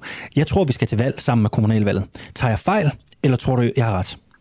Nej, du har ikke, øh, du, du tager fejl. Gør det? Altså, det gør du. Ja, det gør du. Altså, det, det er en skæver, det vil jeg sige. Mette Frederiksen, hun går efter et folketingsvalg i slutningen af 22 eller begyndelsen af 23. Og medmindre der pludselig er de radikale pludselig kommer ind på scenen skævt, eller hvis enhedslisten øh, vælter regeringen eller et eller andet. Altså, der kan, alt, alt kan jo ske i politik, det ved vi. Men altså, hvis det går efter Mette Frederiksens kogebog, så bliver det ikke valgt før slut 22-23. Der kommer i hvert fald ikke valg sammen med kommunalvalget. Så den, den kommer du altså ikke. Den, den, der, der rammer du ved siden af. Vi må se, vi må se hvad der sker, når vi nærmer os. Øh, og så en sidste ting, jeg skal spørge dig. Dansk Folkepartis årsmøde. Han tænker, jeg, jeg vil ikke spørge om så meget, jeg vil bare sige, og det er en ganske kort replik. Hvad synes du? Jamen, jeg synes, det var dødspændende, fordi nu har vi jo varmet op, altså vi, det er alle kommentatorer og medier og alt, hvad der kan køre og gå, har jo varmet op til, at nu vil det blive det helt store brag, og Tulsendal vil blive truet, og der vil ske det ene og det andet osv. Og så sker der jo rent faktisk det, at Tulsendal, han, øh, han viser sig at være rigtig, rigtig stærk. Han bliver valgt ud modkandidater, han får sine folk valgt til hovedbestyrelsen, hans politiske linje kører igennem. Altså, da det kommer til stykket, så er den eneste opposition, han har, det er jo sådan set Pia Gerskov, og, øh, og man må sige, det bliver så noget af et nederlag for hende og, og en sejr for ham. Så, så altså, det var dødspændende. Altså, det var også fordi, der var jo ikke rigtig nogen, der kunne vide på forhånd, hvordan lander det her, hvem har lavet hvilke alliancer med hvem. Men altså, det viste sig, at da vi nåede mål, så havde Tule altså så meget styr på mm. sit parti, at, øh, at øh, det, det, det sikrede ham. Så altså, man kan sige, at næste runde, det bliver kommunalvalget, går det helt forfærdeligt for Dansk Folkeparti. Mm. Ja, så starter balladen nok igen, men kommer de nogenlunde igennem, så tror jeg, så tror jeg, han sidder sikkert i sadlen til en rum tid endnu. Og sådan lød vurderingen fra Hans Engel, som altså er øh, politisk øh, kommentator øh, og ven af programmet her. Det var, hvad vi kunne nå i vores øh, program i dag. Jeg starter lige, eller jeg slutter lige med at læse en besked op. Tak for et godt program. Jeg skal ind til min 4. klasse, og nu vil jeg vise dit interview med Kasper Jensen til dem. Glæder mig til at tale med dem om øh, det dejligt, at vi også kan levere, øh, at vi kan levere stof til de danske klasse klasselokaler. Peter Marstal og Clara Vind sad i redaktionen her til morgen. Jeg hedder øh, Alexander Vils Lorentzen, og hvis I vil have mig, så vil jeg også gerne have jer. Så skal vi ikke bare aftales, at vi lyttes ved i morgen, når klokken den bliver syv. Det vil glæde os og så meget. Du er DK, der kan du læse meget mere om, hvordan du kan støtte os, eller så send en sms til 1245, hvor du skriver UA, Ulla Anders, så kan du være med på 10 sekunder. Tjula Hop, vi høres i morgen.